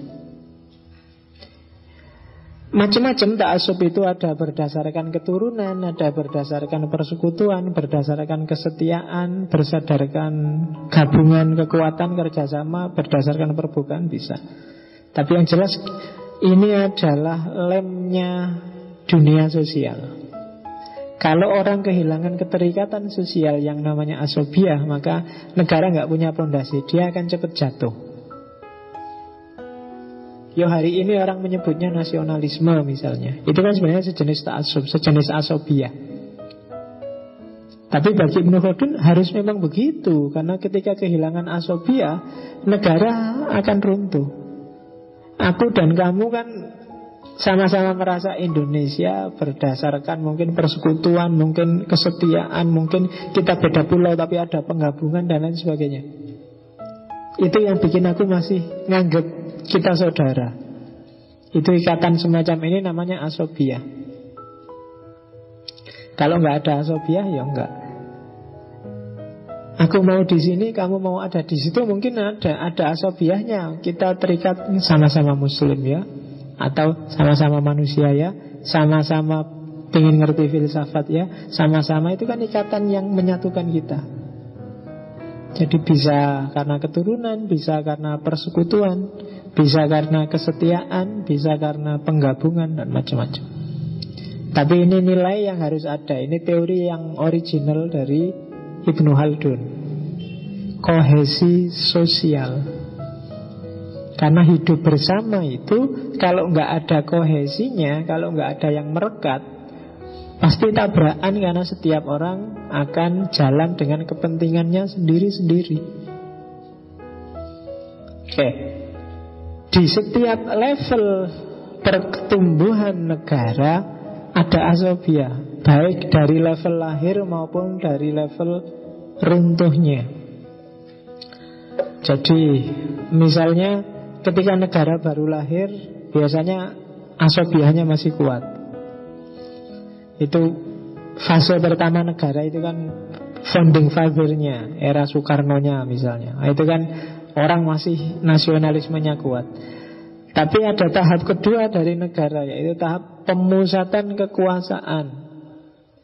Biasanya ketika sudah naik Sudah stabil negaranya Mulai bikin pembatasan-pembatasan Bikin aturan-aturan Untuk melanggengkan kekuasaan. Dari sini biasanya asobiahnya mulai luntur.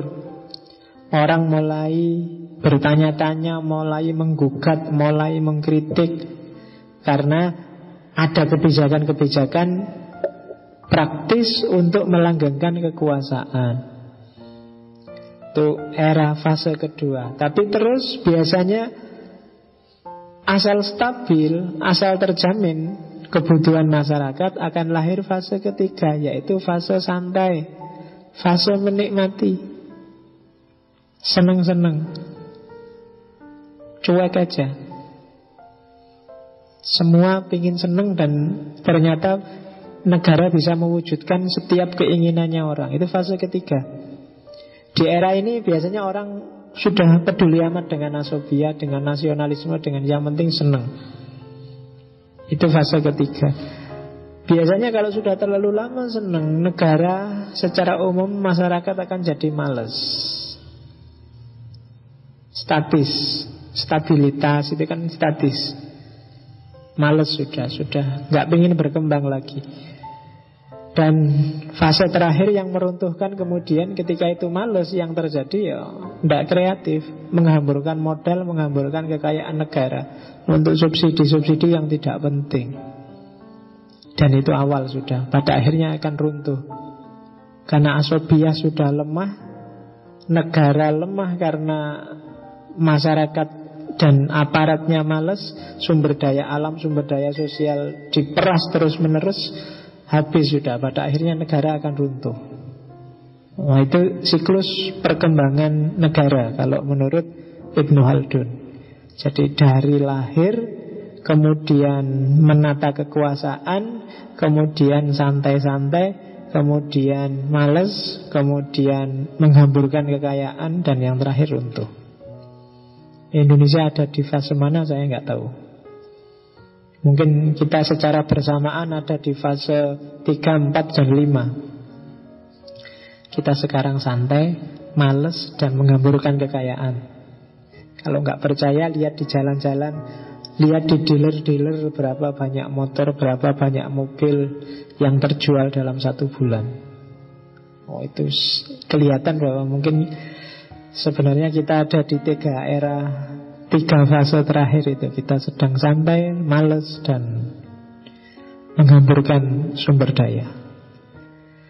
Hati-hati kalau memang kita ada di situ berarti kita akan runtuh. Entah bentuk keruntuhan apa yang akan kita alami. Ini sebenarnya siklus. Ya puncaknya siklus pertama ya mungkin zaman Pak Harto itu 98 itu akhirnya. Dimulai lagi di era reformasi dan sampai hari ini.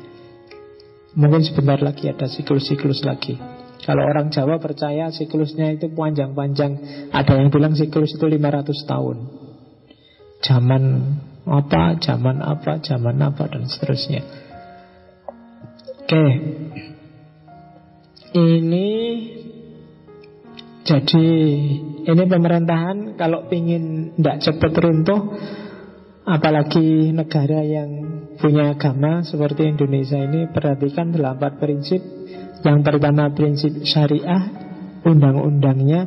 Yang kedua prinsip al-mulk Penguasanya. Yang ketiga prinsip rakyat masyarakatnya Rijalnya. Kemudian SDA-nya al-mal. Kemudian pembangunan dan administratif al-imarah. Dan yang ke enam al-adl, yang ketujuh al-mizan dan yang terakhir pertanggungjawaban. Jadi undang-undangnya jalan, presidennya bagus, masyarakatnya kondusif, patuh, sumber daya alamnya berlimpah, harta kekayaan negaranya berlimpah, pengelolaan negara governance bagus, keadilan tampil, kemudian apa? kriteria mizan. Jadi mizan ini pemerataan dan yang terakhir penguasanya bertanggung jawab. Kalau ada delapan ini ya Tinggal menunggu puncak kejayaan Presiden yang bisa berjanji melahirkan delapan ini Cobloslah besok Bulan Juli Kalau ada yang sanggup Ada yang sanggup menegakkan konstitusi Menjadi pemimpin yang bagus Menata masyarakat me Menyediakan sumber daya alam Sumber daya negara secara berlimpah, keadilan dan pemerataan dan pemerintahnya siap tanggung jawab. Kalau ada yang kayak gini katanya Ibnu Khaldun pilihlah negara akan maju.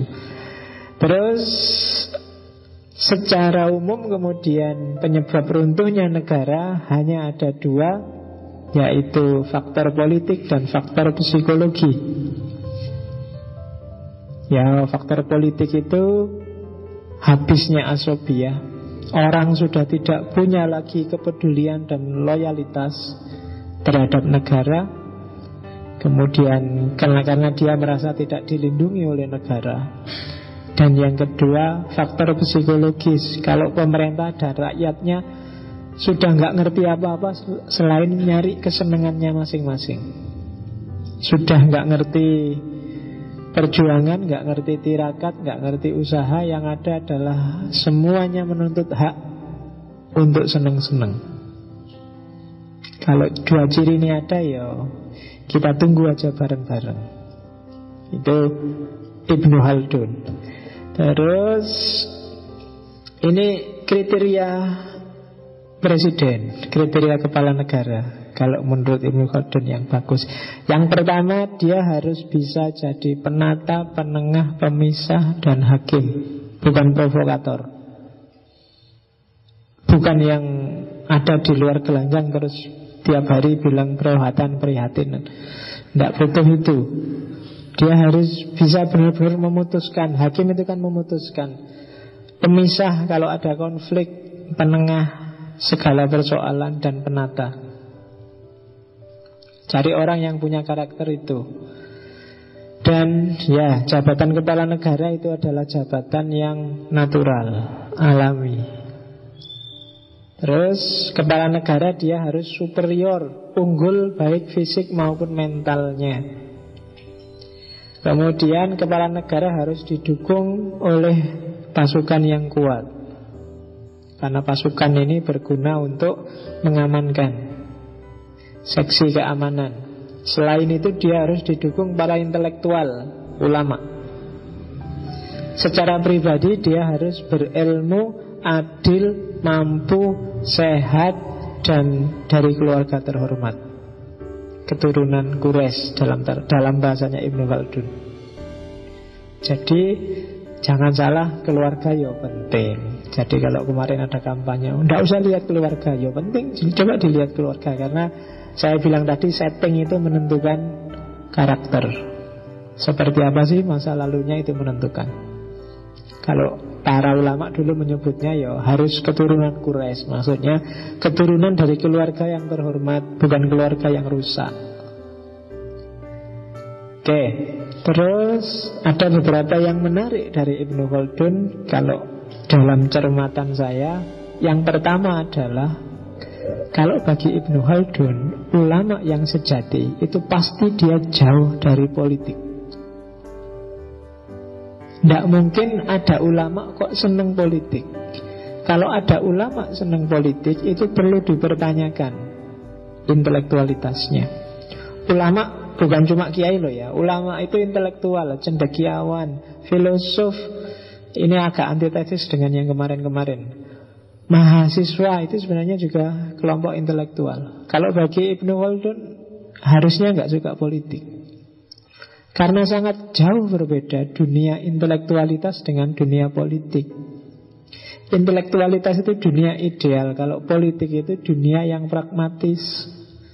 Politik itu ngurusi detail kecil-kecil, kalau intelek itu ngurusi hal-hal besar yang kuliah dan amah. Intelektual yang sejati nggak akan suka dengan politik. Karena politik itu trik dan pragmatis. Jadi teknik. Kalau intelektual itu kan ngurusi ideal, ngurusi yang universal-universal, yang besar-besar, ngurusi yang umum-umum. Begitu intelektual masuk ke politik pasti kacau.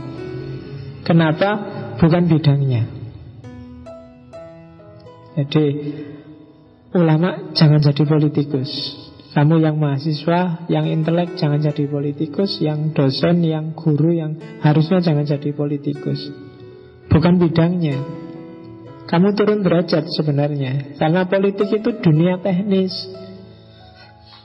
Dunia beres-beres Tata-tata Pembantu rumah tangga Kalau ilmuwan Intelek ini Dunia yang ngatur Dunia ideal Oke Kebalikannya Harusnya kalau menurut Ibnu Khaldun Secara psikologis Yang harusnya masuk ke dunia politik adalah orang awam Orang biasa bukan orang unggulan. Jadi Kenapa harus orang awam? Orang awam itu orang yang pikirannya bisa fokus pada hal-hal yang kecil. Beda sama intelektual. Intelektual itu biasanya mengabaikan hal yang kecil untuk berpikir hal-hal yang besar. Padahal politik itu butuh orang yang ngurusi hal-hal yang kecil Bukan hal-hal yang besar, yang teknis, yang operatif Jadi kalau kalian ingin jadi politikus Malah kalau pakai Ibnu Khaldun Jangan kuliah, ngapain kuliah Malah di sini ada fakultas ilmu politik. Nah itu malah agak itu itu ya. Ilmu politik berarti tidak melahirkan politikus, tapi orang yang ahli bidang politik. Itu loh. Dia levelnya intelektual. Jadi milih caleg itu carilah yang awam. Jadi kalau ada caleg-caleg Jangan milih yang dokter, profesor, DRS Intelektual itu Pasti nggak bidangnya Mesti kacau Jadi cari yang Kan ada tukang becak nyalek ada Itu biasanya lebih fokus dia Itu loh Tukang becak Terus artis, nah, artis asal ngurusi dunia keartisan kan dia akan fokus di situ teknis keartisan. Jadi, oh itu teorinya Ibnu Khaldun. Silahkan kamu kamu dalami lagi. Kenapa kok dia lebih prefer yang awam, lebih layak jadi politikus. Jadi bukan yang ahli, apalagi yang militer, apalagi yang intelek, apalagi yang golek wong biasa-biasa aja. Karena ini butuh orang yang itu loh kalau istilahnya Orang yang berenang di samudra yang kalau orang awam itu kan fokusnya ya kalau renang ya renang aja biar caranya cepet nyampe di pantai kan gitu. Tapi kalau orang pinter kan pikirannya bisa macam-macam. Bisa sambil renang lihat ikan, wah ikan ini kira-kira makhluk Tuhan yang langsung itu. Tapi kalau awam itu nggak iso mikir apa-apa, pokoknya bicaranya selamat segera nyampe ke pelabuhan segera selamat kan gitu aja nggak terlalu banyak pikiran dan dunia politik cocok untuk orang-orang seperti itu bukan orang yang pikiran itu. Kalau terlalu banyak pikiran kayak kaum intelektual ya akan tidak ada kerja politik yang ada rapat-rapat dan debat. Kalau isinya cuma rapat dan debat ya negara ini nggak kopen. Akhirnya kamu bayari orang untuk rapat dan debat. Ngapain? Itu loh, duitmu kamu bayari pada DPR-DPR hanya untuk rapat dan debat. Cari yang praktis, nah, orang-orang awam, orang biasa. Oke, terus ada yang menarik dari Ibnu Khaldun juga menurut saya perilaku bangsa yang kalah. Biasanya orang kalah itu suka niru bangsa yang menang. Kayak orang timur yang mengidolakan barat itu sebenarnya mentalitas orang kalah. Jadi karena kalah kan kamu lihat pokoknya naik barat itu mau ngapa-ngapain pantas saja. Tapi kalau orang Indonesia nggak pantas Kamu lihat Lady Gaga pakai baju aneh-aneh Bagi kamu kan kok pantas ya nggak apa-apa. Tapi begitu ada artis Indonesia aneh-aneh kan kamu Alah apa lebay? Kan mesti gitu. Tapi kalau ke barat kan kamu nggak berani bilang lebay. Kenapa? Mentalitasnya orang kalah. Karena yang mengalahkan kamu itu selalu kamu anggap sempurna, selalu kamu anggap bagus. Dan dirimu sendiri yang kalah dan levelmu selalu kamu anggap di bawahnya. Sama-sama melakukan hal yang sama, kamu tetap menganggap barat lebih bagus. Itu kenapa perilakunya bangsa yang kalah. Kalau zaman dulu, zaman Islam jaya, hal yang terjadi kebalikannya, barat yang niru Islam. Jadi banyak sekali tren di dunia Islam dijiplak oleh barat. Sekarang kebalikannya Tren di dunia barat kita jiplak Kenapa? Sekarang kita yang kalah Nah itu hukum sosial kesekian yang dikeluarkan oleh Ibnu Khaldun. Terus teori profesionalisme dan spesialisasi. Ini kan cirinya modernitas. Ibnu Khaldun sudah banyak ngomong ini. Jadi orang itu harusnya profesional Gak mungkin orang bisa multi profesi Orang bisa multi talent, multi ilmu Kalau katanya Ibn Pasti ada salah satu yang menonjol. Bahwa kamu mungkin ngerti banyak ilmu Tapi pasti ada yang Kamu yang menonjol sekali Yang harusnya di situlah profesimu. Tidak mungkin orang bisa punya double profesi, tidak mungkin orang punya double talent. Secanggih-canggihnya kamu.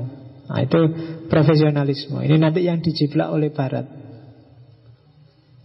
Jadi Ya mulai sekarang kamu juga cermati dirimu masing-masing Kira-kira bakatku apa ya Profesi besok apa Itu kan awalnya dari situ Keahlianku harusnya apa Ya di kampus kamu dikasih banyak mata kuliah Tapi dari sekian banyak itu pilihlah salah satu Tidak harus nilai A semua lah Yang yang tidak kamu pilih nilainya B, C Tidak apa-apa. Tapi yang kamu pilih tadi dia harus A. Karena kamu ingin expert di situ. Itulah profesionalitas. Jadi menurut saya daripada IPM 4 tapi podo-podo kabeh itu mending tiga lah. Tapi ada satu yang A terus. Misalnya bidang filsafat Islam A terus. Karena saya ingin ahli di filsafat Islam pak. Ah kayak gitu bidang apa kamu harus A terus? Karena kamu ingin expert di situ. Itulah profesional. Jangan jadi generalis. Kalau pakai nasihatnya Ibnu Khaldun. Kenapa? Generalis itu nggak laku kalau hari ini. Karena hari ini adalah zaman spesialis. Dokter umum itu bayarnya lebih murah Daripada kamu ke dokter spesial. Semakin spesial dokter semakin mahal. Kalau kamu sakit mata ke dokter umum paling 5 eh, ribu, 3 ribu di puskesmas. Tapi kamu ke dokter mata itu bisa 250 ribu. Jaraknya jauh. Apalagi dokter spesialis mata kiri. Wah tambah mahal lagi itu.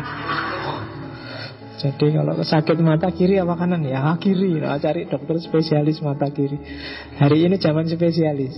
Yo, jadi kayak gini loh kalau misalnya kamu pingin saya pingin ahli di bidang filsafat Islam pak. Kalau kamu expert di situ aja dan nggak banyak orang cepet inget kamu. Ayo kita bikin seminar tentang filsafat Islam. Coba ya bicaranya ya orang langsung ingat ah temanku itu dia ahli filsafat Islam. Kan ingetnya cepet. Tapi kalau kamu generalis, kamu diingatnya belakangan. Meskipun kamu pinter, temenmu mesti filsafat Islam. Ini, oh dia tidak bisa sedang acara-acara. Alis terpaksa dia jalan, dia apa-apa bisa kok. Mesti gitu. Generalis itu pilihan terakhir. Maka biar kamu pilihan pertama jadilah spesialis. Oh itu teorinya Ibnu Khaldun.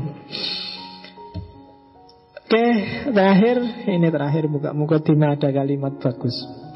He who find a new path is a pathfinder, even if the trail has to be found again by others. And he who walks for far ahead of his contemporaries is a leader, even though centuries pass before he is recognized as such. Jadi, ia yang menemukan jalan baru adalah seorang pelopor, seorang perintis. Meskipun jejak-jejaknya harus ditemukan lagi oleh orang lain.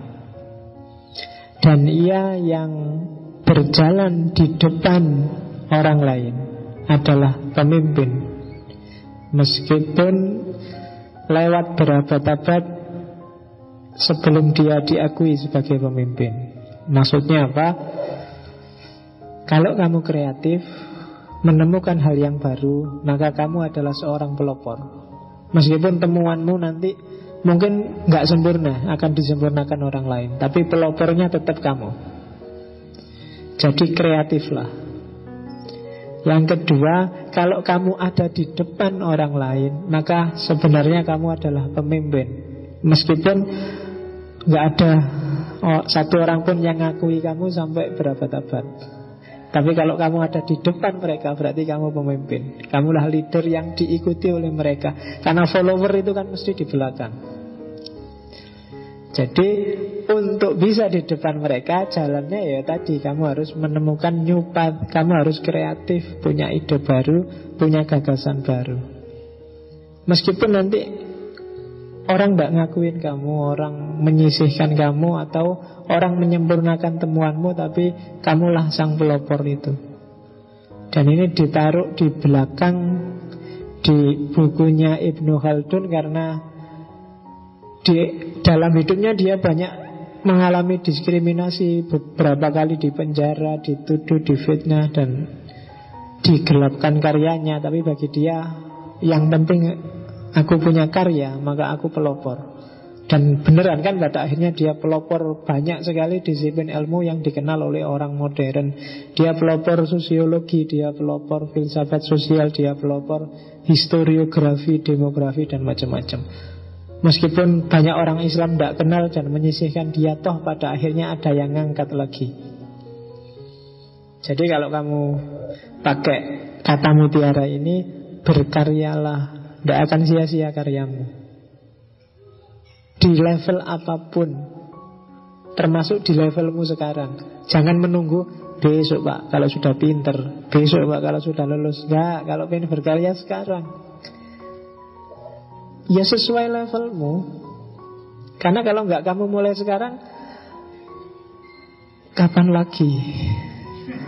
Itu loh berat kalau kamu mulai besok-besok semakin lama urusanmu akan semakin banyak kalau kamu selalu cari argumen pemaaf bahwa belum ah, belum pinter, belum ah, ya kamu tidak akan jalan, tidak akan jadi sampai besok. Nah itu amanat terakhir saya sebelum sesi filsafat Islam tradisi Timur dan Barat saya akhiri. Ya, ini pertemuan kita sebelum Ramadan Nanti kita ketemu lagi setelah Idul Fitri Mungkin 2-3 minggu setelah Idul Fitri. Islam sampai sini dulu nanti kita lanjutkan. Setelah Idul Fitri mungkin saya ingin masuk ke Barat lagi.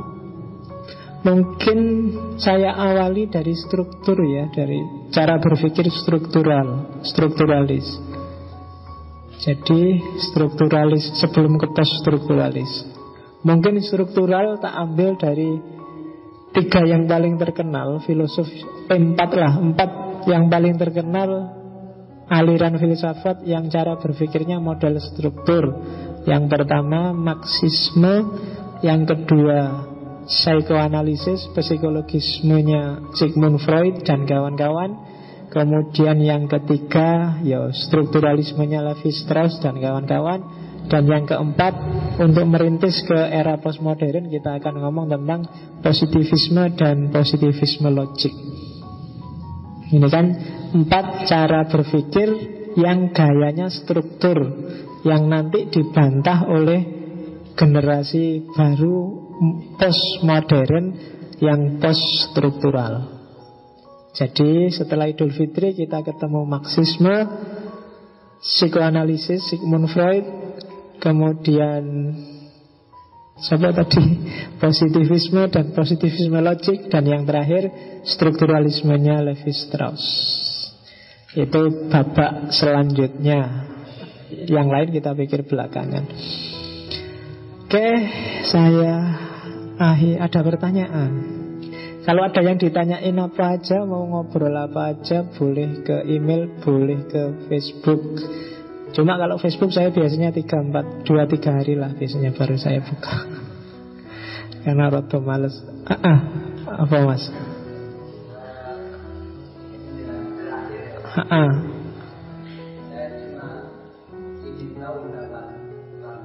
Mm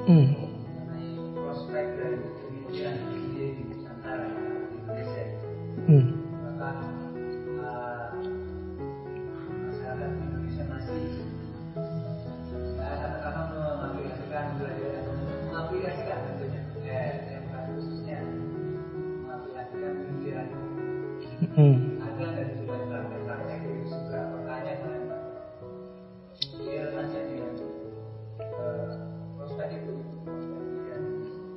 Oke.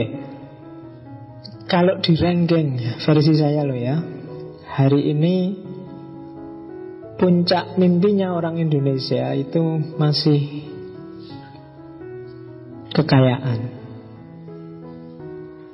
Di bawah kekayaan Jabatan. Jabatan pun untuk nyari kekayaan pada akhirnya. Baru di bawah jabatan terus karir akademik, status keilmuan. Ilmu ini biasanya dipakai untuk nyari jabatan. jabatan saya pakai untuk nyari kekayaan biasanya ngono saya melihat modusnya seperti itu berarti ilmu masih belum jadi primadona di Indonesia hari ini kamu pinter itu masih masih tidak dilihat orang masih tidak dilindungi oleh negara tidak di, jadi jadi perangkat kita hari ini masih belum itu. Kita kalau pakai saya lupa bahasanya sosiolog kita masih periferal kita itu ada di pinggiran. Padahal semua tesis bilang agar Islam atau Indonesia bisa merebut kembali peradaban dari Barat atau yang tidak Islam, satu-satunya jalan adalah sains. Tapi ketika ilmu tidak jadi center, kita ada di pinggiran ya berarti kita masih panjang. Apalagi hari ini semua institusi pendidikan di Indonesia orientasi berpikirnya pragmatis. Mulai SD sampai kuliah itu pragmatis Sign for kerja, sign for karir, sign for Pokoknya untuk pragmatis semua Tidak ada yang murni Makanya saya mau ngaji filsafat semacam ini karena tidak ada target apa-apa kok. Saya nggak nuntut apa-apa padamu. Yang penting kamu paham Ada hikmah yang kamu dapat Ada percikan-percikan pencerahan Yang itu nanti operatif untuk hidupmu Saya sudah senang luar biasa Tidak ada target bahwa Nanti ini semua jadi enggak Jadi filosof enggak. Enggak ada apa-apa. Terus pokoknya nikmati aja, enjoy aja. Dan rasakan bahwa ilmu itu memang nikmat dan indah. Dari tidak paham jadi paham itu kan luar biasa. Enaknya, indahnya. Nah, nikmati itu terus sampai kamu merasa bergairah sendiri untuk ngejar pengetahuan dan ilmu. Dan semakin besar orang yang merasa seperti ini nanti lama-lama ilmu akan ke tengah dan akan jadi penting. Tapi semakin kamu juga ikut-ikutan pragmatis, ya agak berat. Kalau saya, saya masih percaya kalau yang janji Allah. Allah kan sudah janji yarfa'illahul ladzina amanu minkum waladina utul ilma darajat Semakin tinggi ilmumu maka akan semakin tinggi derajatmu. Derajat tinggi itu mungkin nggak harus kamu jadi pejabat atau kaya Tapi kamu akan mulia. Dan tidak ada ceritanya orang mulia itu hidupnya sengsara. Catat itu aja. Oh, itu semangat ya nasihat terakhir. Jadi meskipun besok Ramadan satu bulan kita off, tapi semangat gairah keilmuan yang teman-teman dapat dari berbagai pengajian mungkin di masjid atau di luar sini itu jangan sampai luntur hilang. Karena eman-eman, karena yang lebih penting itu. Kalau materi kamu bisa kejar sendiri, tapi kalau semangat nggak bisa. Lebih bagus kamu baru apa baru bisa ngaji tapi semangat ngaji daripada kamu sudah hafal Quran tapi males ngaji. Karena menurut saya semangat lebih urgent dari kan banyak sekarang anak kecil yang dibaca dipaksa baca Quran, dipaksa hafal Quran. Akhirnya dia bisa apal, bisa baca Quran tapi benci sama Quran. Karena sejak kecil dipaksa. Tuh maka semangat ilmiah dan lahir orang-orang seperti kita kaji setiap minggu Ibnu Rus, Al-Farabi, Ibnu Sina, Ibnu Khaldun dan kawan-kawan Itu kan karena punya giroh intelektual Semangat ilmiah yang luar biasa. Sampai di penjara, ada yang sampai dibunuh, ada yang sampai. Tapi kan dunia mengakui mereka. Sampai hari ini dia tidak hilang. Nah itu Nasihat saya yang terakhir. Insya Allah nanti kita akan ketemu lebih banyak hikmah lagi Karena filsafat itu tidak ada tepinya. Kalau ada yang tanya Sampai kapan ngaji? Filsafat ini kuatmu Iya Tidak akan ada akhirnya. Akan selalu ada tema. Karena filsafat itu hidup kita masing-masing. Selama kita masih hidup dan masih berpikir Akan selalu lahir filsafat-filsafat baru Ya orang-orang masa lalu yang kita kaji ini kan jembatan saja untuk kita memahami realitas hidup kita sendiri. Oke ya, jadi saya kira itu tetap semangat, jangan putus asa karena biasanya halangan paling besar orang belajar filsafat itu mutung karena tidak paham. Tidak apa-apa, tidak paham ya. Ketika tidak paham ya berhenti, nanti diulang lagi, diulang lagi, lama-lama paham. Biasanya dari bacaan, dukungan bacaan dari lain-lain, diskusi dengan siapa-siapa, lama-lama kan yang semula nggak paham jadi paham. Oke ya, saya akhiri sekian. Insya Allah kita ketemu lagi setelah Idul Fitri. Saya kemarin menjanjikan film Ibnu Rus Ini terserah nanti. Takmir kapan ngambilnya Dan kapan muternya Tak kasih aja Tapi silakan diambil. Boleh. Mungkin buat pembukaan Ramadan Kita nonton film bareng-bareng ya silahkan Tapi terjemahannya baru tak garap separuh Tapi insya Allah 3-4 hari lagi selesai. Film tentang Ibnu Rus ya mungkin besok sambil nunggu pembukaan Piala Dunia kan enak kita lihat film bareng-bareng. Iya kan biasanya ngaji filsafat sekarang nonton Piala Dunia. Oke saya akhiri sekian. Wallahul muwafiq ila ma huwa yardo. Wallahu a'lam bisawab wal afu minkum wassalamualaikum warahmatullahi wabarakatuh.